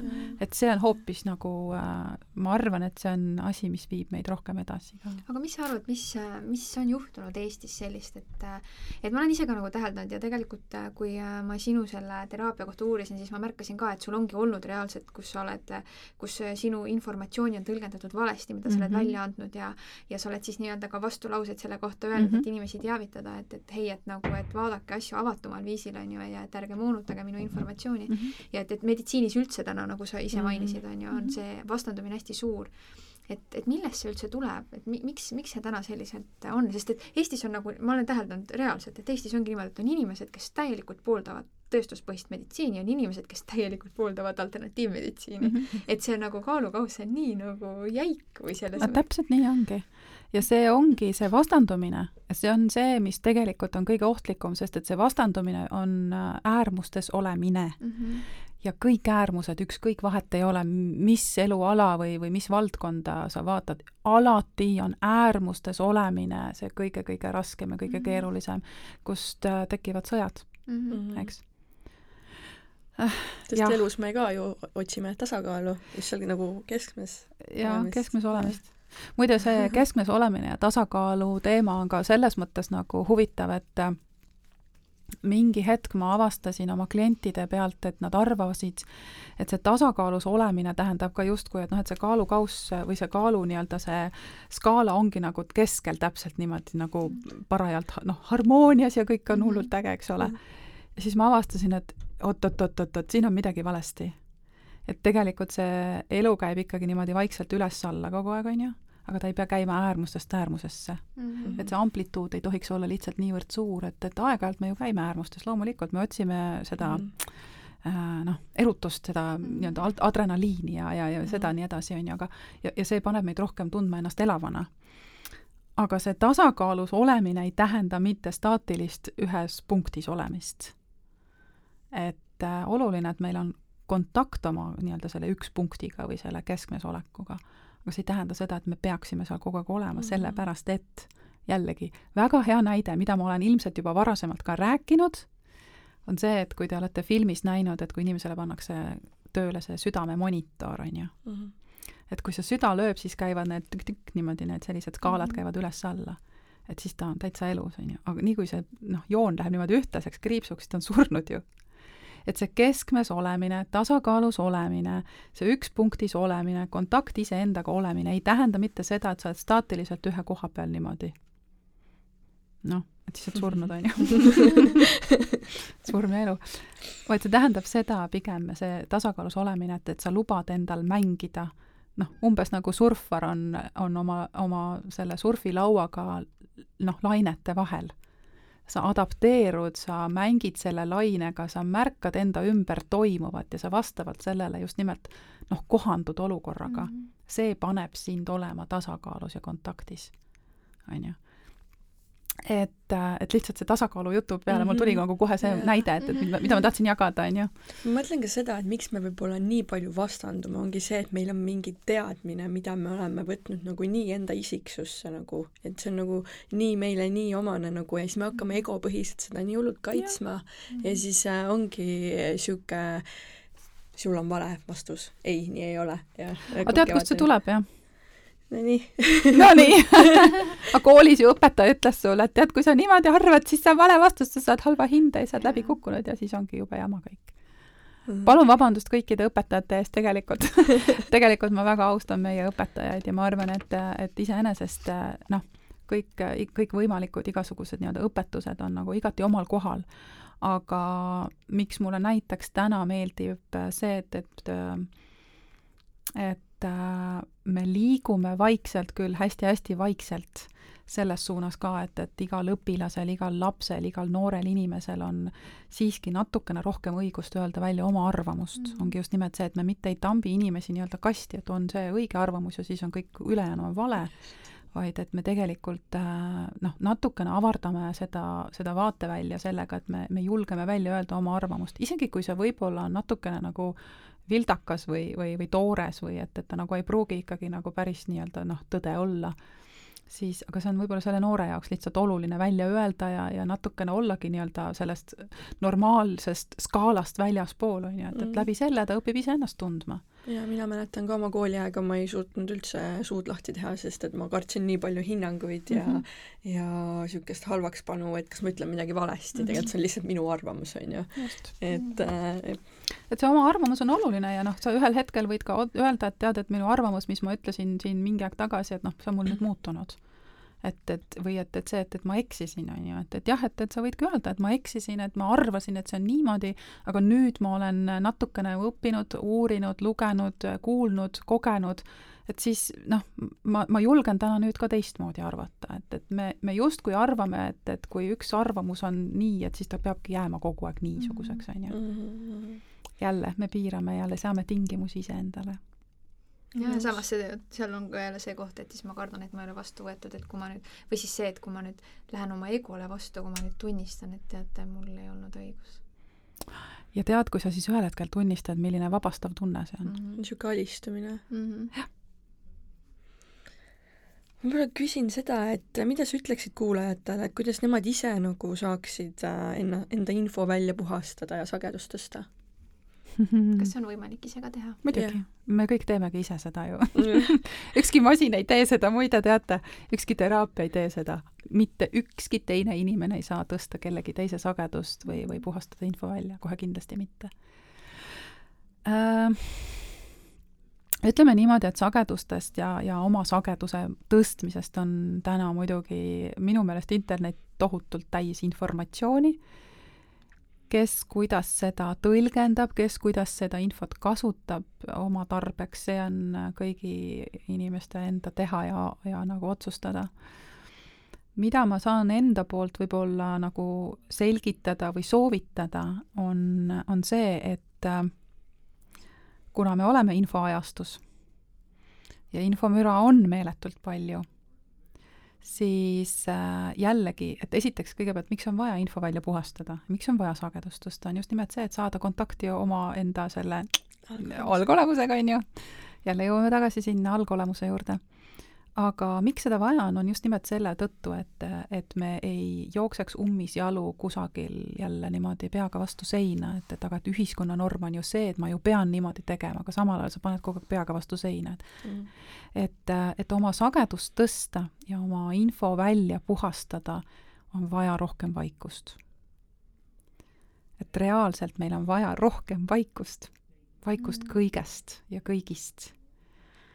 et äh, see ei tähenda seda, et me peaksime kõik pagema kusagile, ma ei tea, koopasse, koopasse või mäe otsa või, või minema ilmtingimata mis need on, need palverännakud, eks mm -hmm, ole. või mediteerima kuskil. või mediteerima väga pikalt, et see, see, see, et me elame siinses ühiskonnas, meil on vaja leida iseenda jaoks igas päevas lihtsalt see hetk, kus me saame korrakski kas või eemalduda kõigest, lihtsalt lülitada see telefon välja kas või minu poolest pooleks tunniks, sa ei ole asendamatu inimene, on ju. et äh, lülitada lihtsalt välja, pane arvuti kinni ähm,, eemaldu lihtsalt oma igapäevasest tegevusest, lihtsalt ole. lihtsalt ole selles vaikuses, sa ei pea mediteerima, vaid lihtsalt nagu puhka. puhka lõdvestu. et seda lõdvestust on äh, viimasel ajal väga palju inimestel vaja, sest et nii, kui me hakkame mõtlema pingestatult ühele või teisele või kolmandale teemale, siis me läheme kohe pingesse, eks ole. keha mm -hmm. läheb pingesse, mõte läheb pingesse, energiad enam ei liigu, noh ja siis see sagedus langeb, eks ole mm. -hmm. nii kui sa leiad selle hetke, kus sa lihtsalt hingad rahulikult sügavalt sisse ja välja, korraks keskendud, fokusseerid sellele, mida sa tunned sees, mis, mis, mis sinuga toimub praegu nüüd oled lihtsalt selles vaikuses, ilma et sa püüaksid midagi siin nüüd hakata lahendama või, või mingeid vastuseid otsima, lihtsalt ole vaikuses. ja ja kui loodusesse minna, siis loodus ka hästi palju toetab seal täpselt. ja see on see, mis tegelikult automaatselt tõstab su sagedust ja see on mm. tegelikult see ka, mis puhastab seda infomüra, on ju. mida rohkem sa seda teed, seda rohkem sa tunned, noh, ennast elavana mm. -hmm. et äh, no mina ei leia, et keegi peab minema metsa elama, ma ütlen selle pärast, on ju aga, aga leida see võimalik äh, vaikuse hetk igas päevas on see, mis aitab äh, tõsta sagedust. ja on muidugi igasuguseid metoodikaid veel, ma ütlen, on neid meditatsioone, on juhendatud meditatsioone, on erinevaid sagedusi, mida tuleks kasutada, jaa, see on kõik väga tore, see täiendab. aga kõige ehedam, kõige lihtsam viis on lihtsalt olla vaikuses. kas sa mediteerid igapäevaselt? Ma ei saaks öelda, et see nüüd alati on selline meditatsioon, et ma nüüd istun ja homme, homme ütlen, eks ole mm. -hmm. jah, ma teen seda ka. Aga kui mul selleks parasjagu füüsiliselt aega ei ole, siis minu jaoks on meditatsioon ka see teinekord, kui ma istun autorooli ja sõidan, ma ei tea, tund aega lihtsalt. jaa, mul on ka, ma olen täheldanud. see on et, nii mõnus, äh, vahest on nii, et sa oled terve aeg, võib lihtsalt oled, aga mõnikord see, et avastad ennast kuidagi rohkem keskmes olevat ja siis mingil hetkel tulevad mingid head ideed, inspiratsioon tekib, et see on hästi põnev. täpselt. ma, ma, ma hästi palju sõidan autoga, ma, mulle meeldib, ma naudin seda, minu videoblogid on muide need ideed on kõik tekkinud tänu nendele autoga sõitmistele, eks ole. Need on väga ägedad, ma just äh, vaatasin neid. et, et, et see on hästi palju aidanud. teine asi, mida ma teen, on, on jaa, ma teen hästi palju füüsilist treeningut. mitte selleks, et olla nüüd hirmsasti niimoodi fit ja, ja, ja toonuses ja kõik, jaa, see on ka oluline, sest ma hoolin oma füüsilisest kehast, on ju. minust ei saa fitnessi mingit äh, modelli värki, aga see füüsilise keha liigutamine on minu jaoks ka meditatsioon. ja kas ma teen seda jõusaalis või kas ma käin metsas jooksmas või mida iganes, et noh, jah, loomulikult selline värskes õhus liikumine muidugi annab hästi palju sellist inspiratsiooni ja, ja kõike, aga aga see kuidagi paneb ka just nimelt need energiad nagu liikuma mm, -hmm. et, et see on ka teatud mõttes meditatsioon, on ju.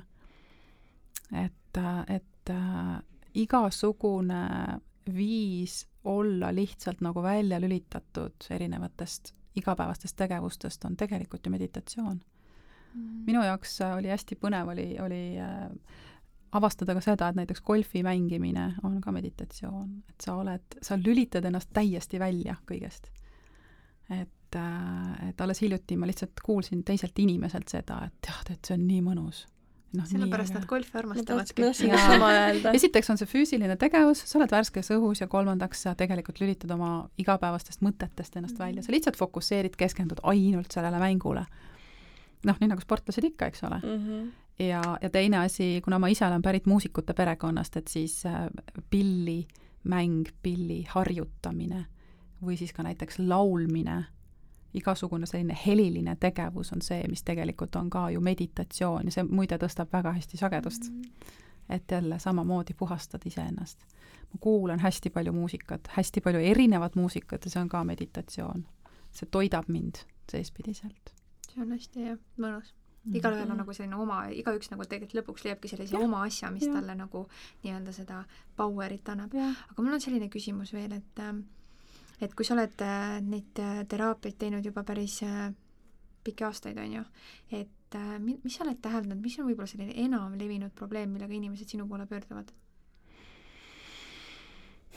hakkab ju jooksma, vaata, nagu mingi muster mingil hetkel, sa hakkad nagu märkama mingeid sarnaseid jooni.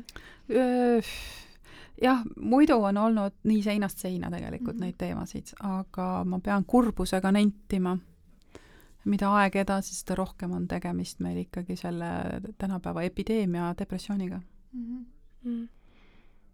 et äh, see, millega inimesed täna minu poole pöörduvad äh,, tähendab, ma ei saa öelda, et kõigil neil on depressioon või et nendel on diagnoositud depressioon, aga hästi palju kumab igasugustest seisunditest, igasugustest probleemidest välja see, et just nimelt, et inimesel on justkui see äh, meeleseisund ja hingeseisund hästi selline kurvameelne ja, ja kus ei ole seda eluenergiat ja jõudu enam ja kuna lihtsalt kõige arusaadavamas keeles ühiskonnale ja inimestele võib-olla on see, et, et noh, meil on hästi palju stressi ja meil on ka muuhulgas sellest juba siis edasi liikunud sellist depressiooni, siis siis ma, ma lihtsalt noh, nagu üldistan seda praegu võib-olla, aga see depressioon ja selline just nimelt see selline raske ja keeruline seisund on täna see, mille pärast mm. inimesed kõige rohkem pöörduvad ikkagi. Et võib öelda, et see on nagu midagi, mis nagu kollektiivselt meil kõigil on, ehk siis kollektiivselt, mida me kõik nii-öelda tervendama peame, on ju just. ja, ja noh, täpselt samamoodi, aga et mind huvitab ja ma hea meelega nagu arutlen ja, ja küsin ja, ja, ja räägin inimestega sel teemal, et, et mis on see noh, ühine nimetaja või mis on see ühine põhjus, miks see on tekkinud. ja üks, ma arvan, et olulisi põhjuseid siin, mis on see, mis on see põhjus just nimelt selle jaoks, on see vastandumine mm.. tingimused, eeldused, ootused, normid, noh see ongi see mhm. ühisväljas olev teema.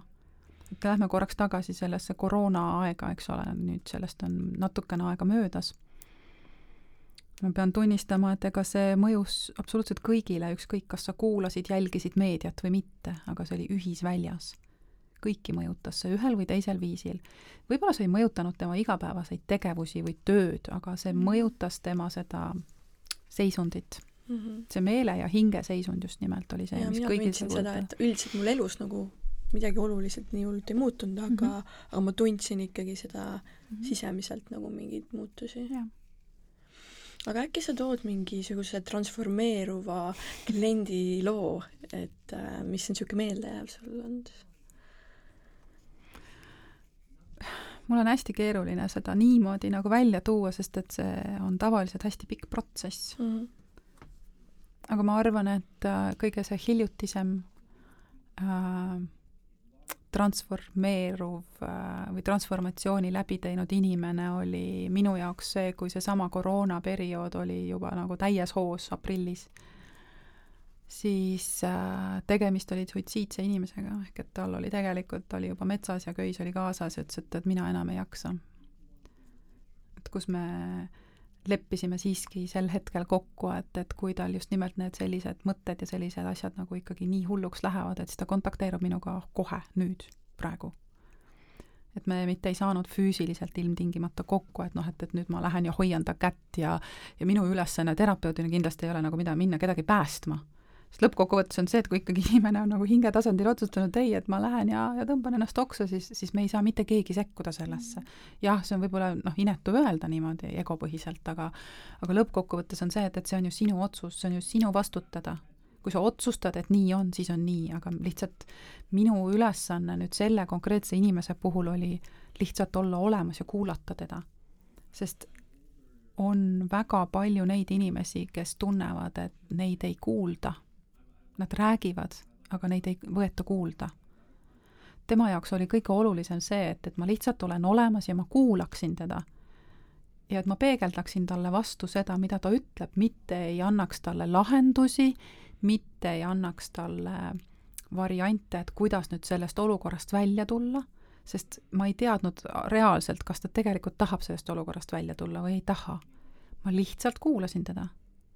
ma peegeldasin, mida ta mulle ütles ehk et sisuliselt see kõige sellisem transformeeruvam nii-öelda nagu näide siin ongi see, et inimene sai välja öelda midagi, mina peegeldasin talle seda tagasi ja ta leidis endas nüüd nii-öelda need järgnevad protsessid, selle nii-öelda reaalse noh, nagu võimekuse, selle ressursi nüüd, et tulla sellest olukorrast välja, sest see, see info, mida ta välja ütles, see jõudis temani tagasi.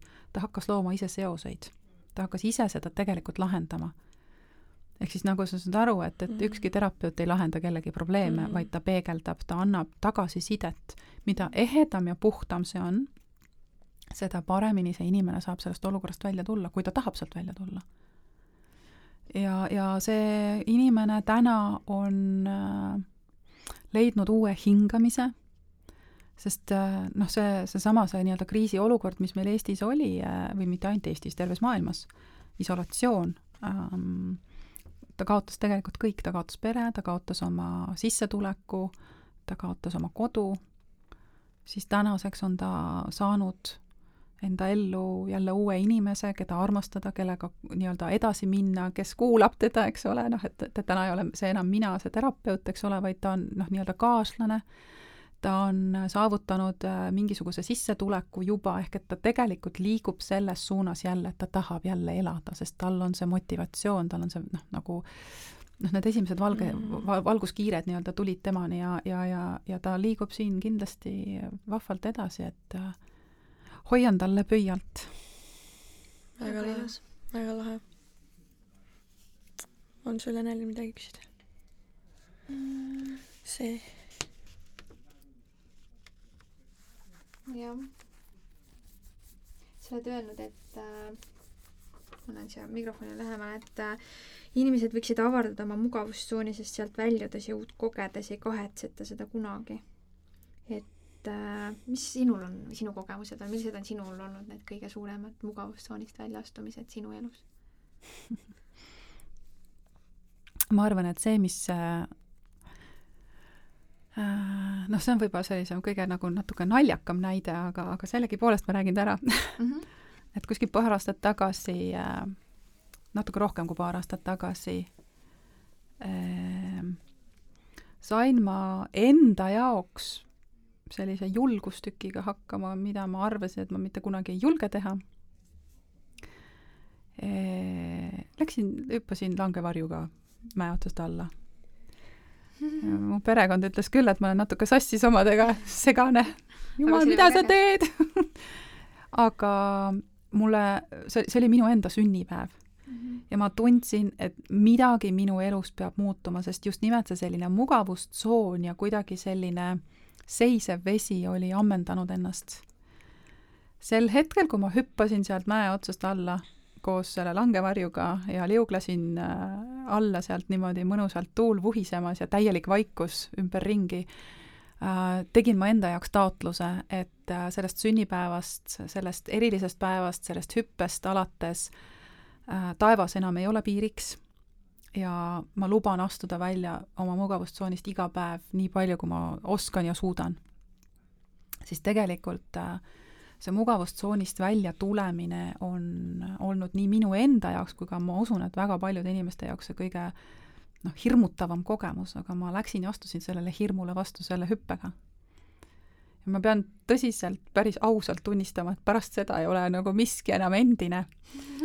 et see taotlus, mille ma seal taevalaotuses tegin, et see on kõik elustunud ja veel miljon korda rohkemgi veel ja, ja ja mida ma selle mugavustsoonist välja tulemise all noh, tahan öelda, ongi just nimelt see, et teinekord me lihtsalt ei tea, milleks me veel kõik oleme võimelised.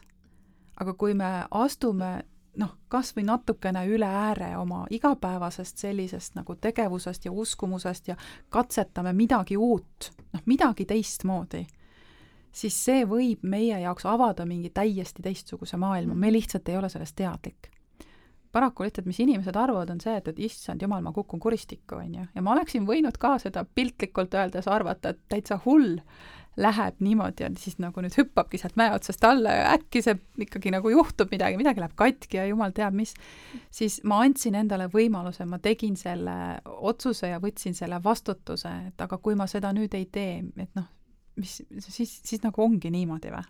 nagu päriselt, et kas see elu ongi ainult nii või? Ma ei rahuldu sellega enam. ma näen nii palju täna inimesi, kes ei, ei, ei rahuldu sellega, mis neil elus on, aga nad ei julge astuda välja ka mugavustsoonist, noh, ja siis ongi kõik mm. -hmm. et siis noh, see on lõksus olemine. see on lõksus olemine, aga te ei kujuta ette, kui palju, kui suurem maailm sellest võib veel avanemaks nagu minna, et, et lihtsalt see on, see on midagi nii ägedat. see on lihtsalt nii äge noh, just ja nimelt. see võib äh, väga erinevad asjad olla, see Jaa. ei pruugi olla isegi see langevarjuhüpe, see võib olla midagi täiesti, noh, mina saan enda puhul öelda mm, -hmm. no mida mina olen kogenud, on see, et kui ma arendasin äh, mõned aastad tagasi võrkturundusettevõtet, siis seal oli väga palju mugavustsoonist väljaastumist. väga palju sellist äh, võõraste inimestega tänava peal lihtsalt astu ligi ja ütle talle tere mm, -hmm. nagu alusta temaga suhtlust. või siis, või siis nagu tegelikult ka mugavustsoonist väljatulek oli näiteks minu puhul, mis töötas jube hästi, oli otsus, otsus, et nii, nüüd see kuu ma teen sellise eesmärgi ära ja lihtsalt ma mitte muu variandiga ei lepi ja siis avastad, kuidas mingid imed hakkavad sündima Täpselt. ja sellest tekib niisugune enesekindlus, et vau, et ma olen tegelikult ju võimeline kõigeks selleks see mugavustsoonist välja tulemine tegelikult paneb sind kasutama oma potentsiaali palju rohkem mm. -hmm. sa lihtsalt ei tea seda, sa lihtsalt mm -hmm. arvad, et sul ei ole seda, et sest meile on justkui kinnitatud, et ah, tead mm -hmm., noh, tegelikult ei ole ju niimoodi mm. -hmm. et siin tuleb mängu muidugi see enesehinnang, on ju, eneseväärtustamine ja see noh, uskumine, et, et noh, ma ütlen, et taevas ei ole, taevas ei ole piiriks täna enam mm. -hmm. mitte miski ei ole, ainult sina ise oled ja võttes vastu veel selle, et, et, et, et on olemas ka midagi enamat kui kõik see, mida me näeme, siis vau uh, wow,, siis see maailm on ikka mega suur. kirju, kirju ta võib olla ju natukene hirmuäratav, aga las ta olla, seda ägedam ta on, et, et noh. seda põnevam. just, täpselt. Meil just alles hiljuti oli mehega kodus juttu sellest, et äh, ma ei tea, kas sa oled kuulnud äh, uue ajastu valguslastest, kes täna sünnivad siia maailma siis äh, alles hiljuti vaatasin Puuduta mind saadet, kus oli siis äh, selline naine nagu Adelina Amarüllus, kes siis on kirjutanud nüüd hiljuti selle raamatu mm -hmm. äh, ehk siis äh, Uue aasta valguslapsed. Ja, ja siis ütlesin mehele ka, et nii, et ma tahan seda nüüd sinuga koos vaadata, onju, sest ta tegelikult teab, et minul on mingi teadmine või minul sees on mingisugune eh, tugev vajadus, tahe sellist sarnast last ilmale tuua, onju ja see on hästi huvitav, seal on hästi palju kokkulangevusi, sellepärast et et täna näiteks toimub selline protsess, kus me reaalselt liigume nagu maale elama, sest ma olen terve elu väiksest peale öelnud, et mina ei sünnita oma lapsi korteri seinte vahele, see on lihtsalt selline mingi kindel mingi teadmine ja selline otsus ja siis vaatasime ära ja, ja seal tegelikult, tegelikult ka äh, ta rääkis nii-öelda sellest eeterlikust maailmast ja sellest, et kui selline laps sünnib või naine jääb rasedaks, siis võib juhtuda see, et nii mehel kui naisel avanevad äh, sellised nägemiskanalid, kus nad hakkavad ka nägema eeterlikku maailma. Ja siis ma ütlesin oma mehele niimoodi, ütlesin, et kuule, et kas sa oled valmis selleks nagu, mis sa arvad sellest, et nagu kui nüüd nagu juhtub selline asi ja sa järsku mm -hmm. hakkad nägema mingisuguseid noh, ütleme siis neid kolle seal voodi all onju et kuidas sa siis sellega nagu hakkama saad, et kas sa oled nagu, siis ta ütles selle peale, et noh, kui vaja, siis nagu nojah, ju siis peab onju. ma ütlesin, aga sa ei karda või? siis ta ütles, et e, ma ei tea nagu, ma noh, ta tegelikult oma olemuselt hästi niisugune neutraalne või niisugune hästi keskmes, et, et selles mõttes minu jaoks nagu see vastus, kui ma küsisin ta käest, julgesin lõpuks küsida, et kuule, et nagu mis siis saab, onju. sest varem ta mulle ütles, et tema ei tahaks kogeda mingit niisugust selgeltnägemisvõimet või midagi sellist, sest et mul on olnud juhtumisi elus, kus mul on noh, mul on see tundeskaala on minul isiklikult hästi palju avardunud ja mul on olnud kogemusi, kus ma näiteks oleme sõitnud äh, mööda äh, kohast, kus on toimunud raske avarii ja mina kogu oma kehaga tunnen seda traumat mm -hmm. ja mhm. elan seda oma kehaga läbi ja siis see on see koht, kus ma mäletan, kus ta ütles mulle, et et tema küll kunagi niisugust asja kogeda ei tahaks, on ju, et sellepärast tema ei tahaks niisuguseid võimeid endale. et siis, kui ta seekord mulle nagu vastas sel-, sellise vastuse, et, et, et noh, et no mis siis ikka, on ju, siis see oli minu jaoks nagu jälle mingi südames nagu mingi rahu, et oh, väga hea, et siis me vähemalt oleme selles supis koos et kui midagi sellist peaks nagu juhtuma, et nagu nii-öelda enda nagu kuidagi kas sead ennast nagu vaimselt valmis millekski, mis võib juhtuda, ei pruugi, aga nagu, nagu väga-väga niisugune põnev no sa võtad ära sealt selle kontrolli, et äh, ma pean mm. kontrollima olukorda. et sa justkui hakkad usaldama seda, et, et, äh, et see, mis su sisetunne ütleb, et, et ma, ma katsetan, ma proovin mm ja et, et tekib nagu selline vabaduse efekt mm. -hmm. ja, ja siis võibki tunnet. kõike selles mõttes ja. juhtuda ja, ja kui su fookus, kui su tähelepanu on noh, juhindatud või, või, või kuidagi nagu koostöös ja, ja, ja ole, koos olemuses selle nii-öelda sinu ürgse olemusega mm, siis äh, siis juhtuvad igasugused ägedad asjad. jah, ma olen nõus sinuga. See on meil mitu korda teemaks ka olnud siin saadetes. Mm,.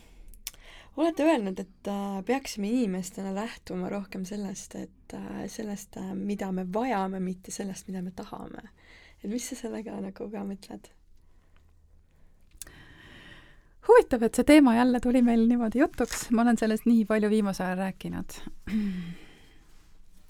mida ma selle all mõtlen, on see, et et me oleme harjunud tahtma igasuguseid asju. Ma tahan endale kodu ja siis ma tahan endale pere ja siis ma tahan endale lapsi ja siis ma tahan endale autot ja ma tahan endale ilusat äh, aeda ja ma tahan endale seda ja seda ja seda ja seda. siis äh, see tahtepõhisus on ühtepidi, ma tean, noh, inimesed peavadki tahtma midagi, see nii-öelda drive ib neid, ehk et see nii-öelda annab neile nagu seda energiat, motivatsiooni tegutseda, toimetada, nii edasi, nii edasi aga see tahtepõhisus siin minu minu kontekstis tähendab seda egopõhist tahtmist, ma tahan, tahan, tahan, tahan, tahan.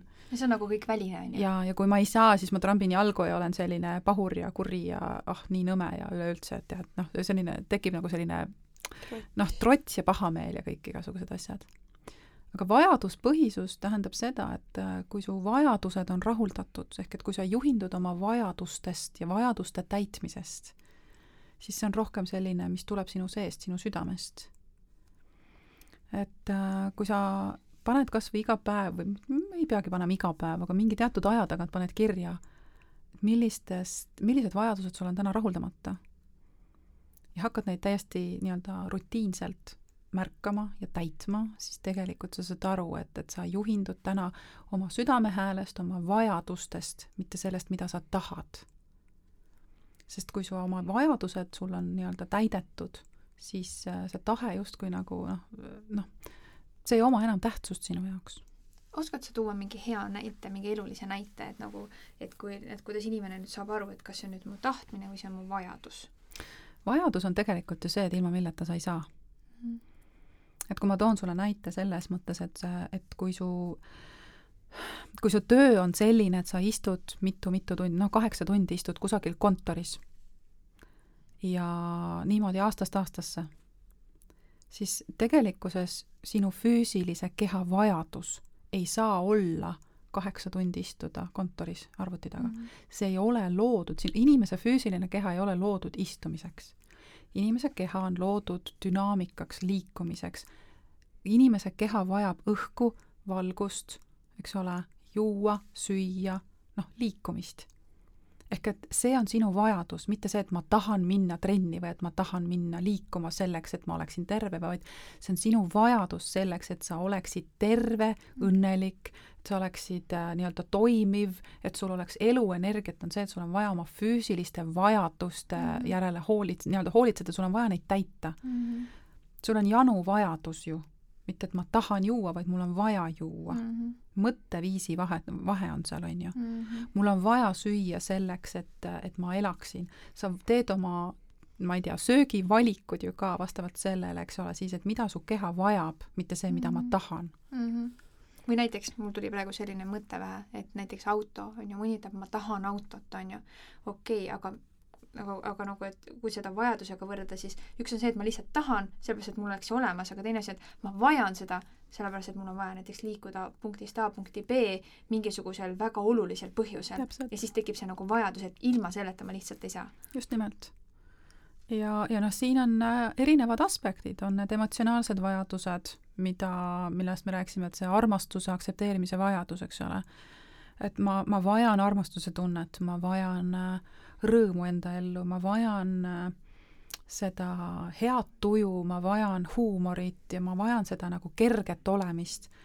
et, et ilma selleta ma ei saa, et, et ma tean, et kui mul on tuju paha ja mul ei ole seda rõõmu, et, et ma, mu töö ei suju, et ma ei ole motiveeritud tööd tegema, eks ole et siis needsamad, need vajaduste kaardistamine, et mida sa vajad, et see, see, see on palju olulisem kui see, et ma mm. tahan olla kogu aeg rõõmus, no ma tahan, no sa võid tahta igasuguseid asju, on ju et aga me vajame enda ellu teatavaid asju, eks ole, et, et ilma nendeta ei saa, et ilma selle motivatsioonita sa ei saa tööd teha, ilma, ilma sellise rõõmutundeta sa ei saa minna ju ja olla nii-öelda noh, ütleme hea vestluspartner võib-olla või, või et, et me võtame erinevate elualade inimesi, võtame õpetajad, eks ole, et noh, õpetaja ei saa minna kurjalt ja, ja selliselt nagu pahas tujus olevana ikkagi klassi ette karjuda nende peale.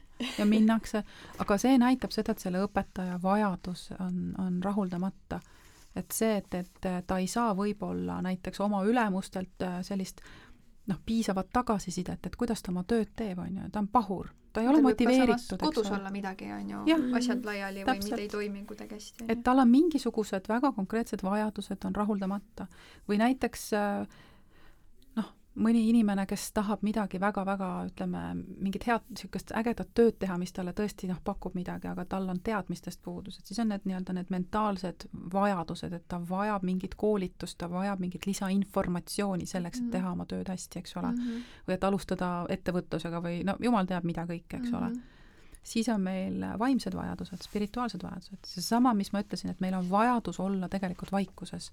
meil on vajadus võtta aega iseendale aeg-ajalt see ei tähenda seda, et me ainult sellega tegeleksime, aga meil on vajadus seda selleks, et ennast laadida mm. -hmm. meil on vajadus olla aeg-ajalt kontaktis loodusega selleks, et me saaksime noh, hingata ja, ja, ja, ja noh, olla just nimelt nii-öelda tasakaalus keskmes inimesed, eks ole. et see vajaduspõhisus versus tahtepõhisus on just nimelt see, mida mina siin noh, mõtlen mm. -hmm. et, et ma ei juhindu sellest, et noh, ma tahaks nagu nii-öelda mhm. tarbida ja kogeda, vaid ma vajan. ja kui see vajadus on teada, siis on ka sealt hea lihtne otsus Täpselt. teha, et ma otsustan, et nüüd ma soovin kogeda vot seda asja, sest just, ma vajan seda. just see on, see on põnev, ma just toon niisuguse näite, kui ma mõni kuu tagasi olin sellises olukorras, kus ma olin sellises identiteedikriisis, kus ma nagu olin ka, et no mis ma siis nüüd nagu jälle teen, nagu mul, mul, mul oli see vajadus, et mul ei sobi see enam mm. -hmm. et ma nagu et ma ei, ma olen nii palju oma elus äh, teinud erinevaid asju, ma lugesin kokku vist mingi kakskümmend erinevat ametit või asju, mida ma olen kõike kogenud ja mhm. teinud mm -hmm., nii-öelda ennast otsinud kogu aeg kuhugile suunda nagu liikunud, aga aga nagu justkui valest kohast otsinud, on ju. ja, ja sellest hetkest, kui ma, ma mäletan, ma istusin äh, korteris äh,, Tallinnas elame mehega praegu veel, siis diivani peal, pisar nä,, nägu oli pisaratest tulvil, vaatasin aknast välja, lihtsalt istusin kõva häälega, rääkisin, mõtlesin, et ma ei tea, kas te kuulete mind või kes iganes mind kuulab, teate, mul lihtsalt ei sobi enam nii nagu et nagu päriselt nagu mulle ei meeldi, et see on nii ja see on naa ja lihtsalt halasin nagu sõna otseses mõttes kõik välja, vaata. väga õige sest et see oli nagu selline, et ma tundsin, et ma olen jälle jõudnud kuhugile punkti, kus hakkab jälle mingisugune asi korduma mm -hmm. ja mulle ei meeldi, et see, et see hakkab jälle korduma. ja, ja siis ma tegingi selle otsuse, et kuulge, et nüüd on nagu kõik ja peale seda, mis nagu juhtuma on hakanud, noh, selle kohta võib öelda, et see on nagu täisime ja Mhm. lihtsalt mingid asjad hakkasid kokku langema, mingid teemad ja see on mi- mingis mõttes see protsess nagu jätkub veel, täpselt nii ongi aga see on tõesti vau wow. Mm. -hmm. et, et see on see, et ma soovin paljudele inimestele sellist äh, enda vajaduste äratundmist ja see kindlalt otsuste tegemist. ja, ja noh, see ei olnud ainult siin see peas Ja. mõte, mõttekohal, ma Ja. otsustan nüüd nüüd homsest ma olen ja tubli, eks ole. vaid see tuleb ikkagi nagu kuskilt hoopis mujalt ja Jah. vot see on nagu see, millest on hästi Mhm. keeruline rääkida, et noh, sest et see ei ole, just nimelt seda, see, seda ei ole võimalik mõista mm. mm. noh, niimoodi nagu mõistuse tasandil Mhm. ainult, et see aga samas ma olen nagu täheldanud enda puhul näiteks seda, et, et need otsused töötavad, kui sa selles madalseisus oled. sest et see, see on see punkt, vaata, see on mingisugune piir või punkt, kuhu sa oled jõudnud, kus sa koged mingisuguseid nii palju ebamugavaid tundeid mm, Mhm. et niisugune tunne, et nad nagu voolavad sinust üle mm, -hmm. et sa ei suuda sellega enam toime tulla, et sellel hetkel, kui sa nagu ütled, et mulle tegelikult ei meeldi see tunne, ma ei soovi enam selliseid tundeid kogeda sellisel kujul, vaata mm, Mhm. -hmm. ja selliste asjade pärast Mhm. mm., et siis nagu sealt pealt nagu edasi liikuda, et siis nagu ma olen nagu vähemalt enda puhul täheldanud. varem ma tegin hästi palju intuitiivselt, et kui olid jälle mingid sellised kogemused või tunded, siis ma lihtsalt tegin järgmise valiku ja liikusin edasi, aga siis hakkas see muster korduma. no et, et loodame, et mul enam ei kordu ja kui kordub, siis ma ei tea, noh, siis jälle avastan midagi muud sealt aga tegelikult noh, nii nagu ma ütlesin, vaata, elu käib üles-alla. mm. -hmm. Mida ma ise olen viimase paari aasta jooksul hästi palju kogenud, on ka see, et et vaata, noh, meil on need positiivsed ja negatiivsed, on hea ja halb ja pime ja valge ja kõik nii edasi mm, -hmm. me oleme Mhm. selles duaalses maailmas. Mm -hmm. et tegelikult meil on vaja aeg-ajalt tunda seda nõmedat tunnet ka mm, Mhm, -hmm. seda mm mhm. -hmm. kurbust ja ahastust mm Mhm. -hmm. ja seda enesehaletsust ja, ja, ja kõike mm Mhm. -hmm. seda, mis tegelikult justkui nagu tõmbab meid sinna mm Mhm. -hmm. mudasse veel kõvemini mm Mhm. -hmm. kinni. Et meil on vaja seda kogeda sellepärast, et me saaksime aru, mida me selle asemele tahame. ja, ja seda kindlasti. et me ei saa sinna jääda kinni, jah mm, Mhm. -hmm. see on tõesti, on ju, sest see ongi just nimelt see äärmustes olemine ja Mhm. see äärmus on lihtsalt vaja aeg-ajalt ko- korraks lihtsalt seda, et sulle näidata, et kuule, et nüüd on aeg nii-öelda teisele poole minna. ja, ja selle asemele midagi soovida, aga kui sa ei tea, mis see kõige-kõige-kõige halvem või kõige nõmedam olukord on, siis sa ei tea ka, mis see kõige-kõige-kõige parem olukord sinu jaoks Mhm. võib olla. Mm. -hmm. et see on ka see mugavustsoonist välja tulemine mingis mõttes. jah, nii ongi. ja vastu, see, see otsus, et kui sa otsuse teed ka, siis see Mhm. valmisolek vastu võtta siis Täpselt. seda, mis nüüd muutuma hakkab, mida sa tegelikult ise ei pruugigi nagu teada, aga mm -hmm. aga samas elu on nagu selline, selline hõbekandik, mis peale seda on nõus sulle nagu tooma kõike, mida sa tegelikult Mhm. ju küsid. no nüüd sa usaldad ka, vaata. jah. Sest ennem ei olnud seda, et noh, sa hoidsid ikka veel kinni kramplikult Mhm. millestki mm, -hmm. aga nüüd sul on see usaldus ja see Mhm. lõdvestus, vaata, see on, Jah, see on selline jah. hästi hea sealjuures. Mhm. ma arvan, läbi lõdvestuse hakkavadki kõik asjad juhtuma. väga õige lõdvestus ja nauding, on ju? aga on sul, äh, Liis, veel midagi kuulajatele öelda? Ise? omalt poolt. niimoodi annadki kohe nagu sõna mulle. et ma võiks kohe nii palju rääkida.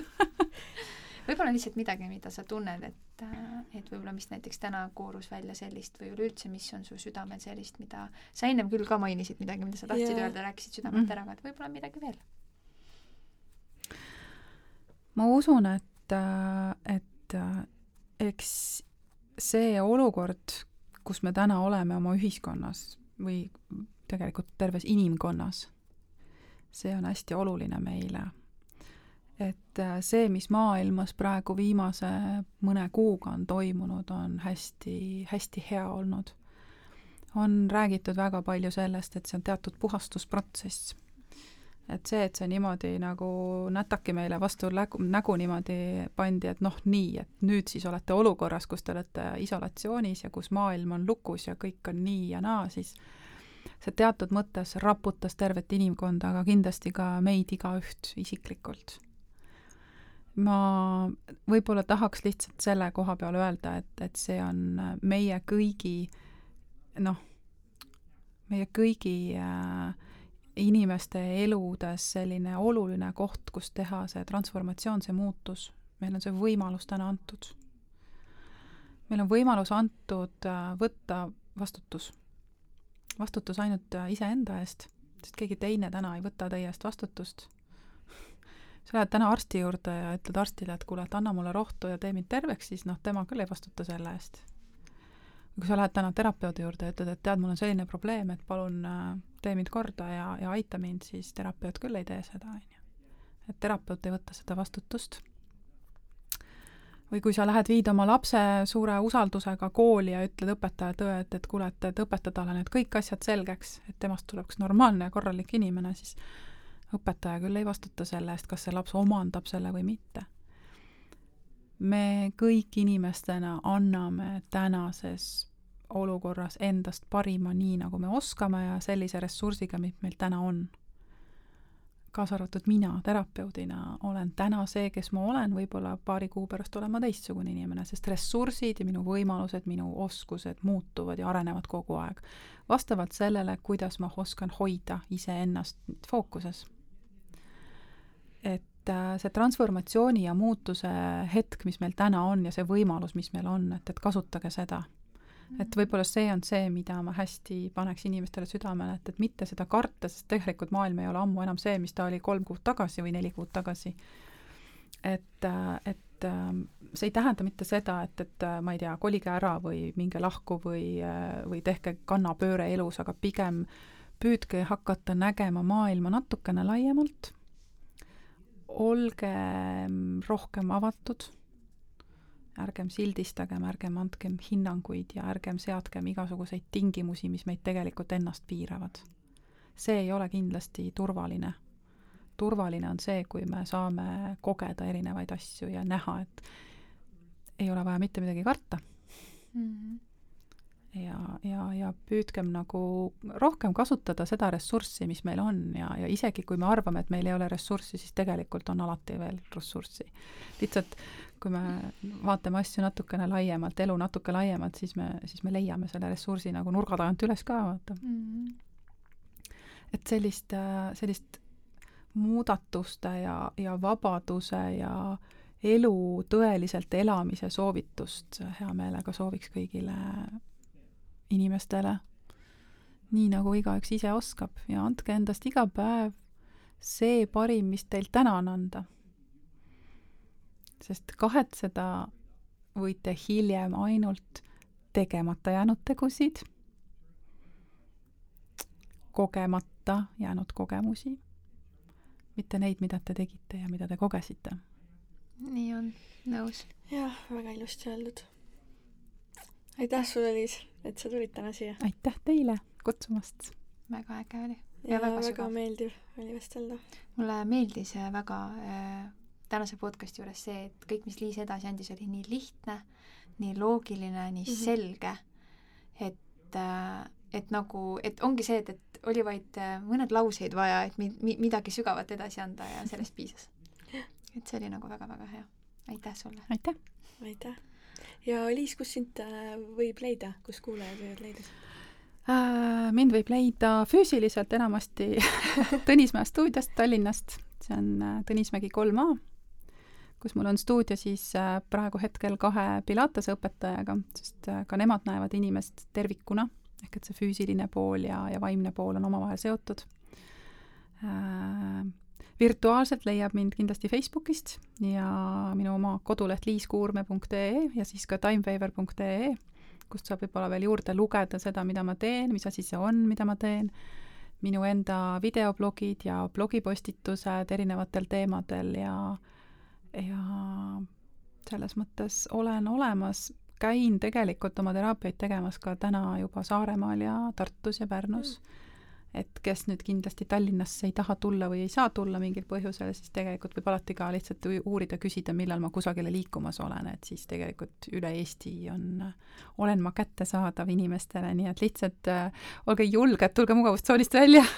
Võtke ühendust, et ma olen alati kõigi jaoks olemas, nii nagu, nii nagu ma oskan siis võtad äh, masinad ühes?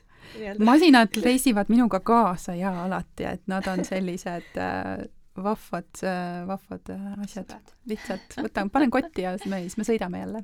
okei, väga äge mm. -hmm ja kui kuulajale meeldis ja leidis enda jaoks ka siit äh, väga palju väärtust, siis jaga seda vähemalt oma ühe-kahe sõbraga ja ja nii me jõuame olulist sõnumit võimalikult paljude inimesteni jagada, nii et see on kõige tähtsam aitäh teile, kuulajad ja aitäh, Liis ja aitäh, Elis. aitäh, Eneli. head aega kõigile. tšau.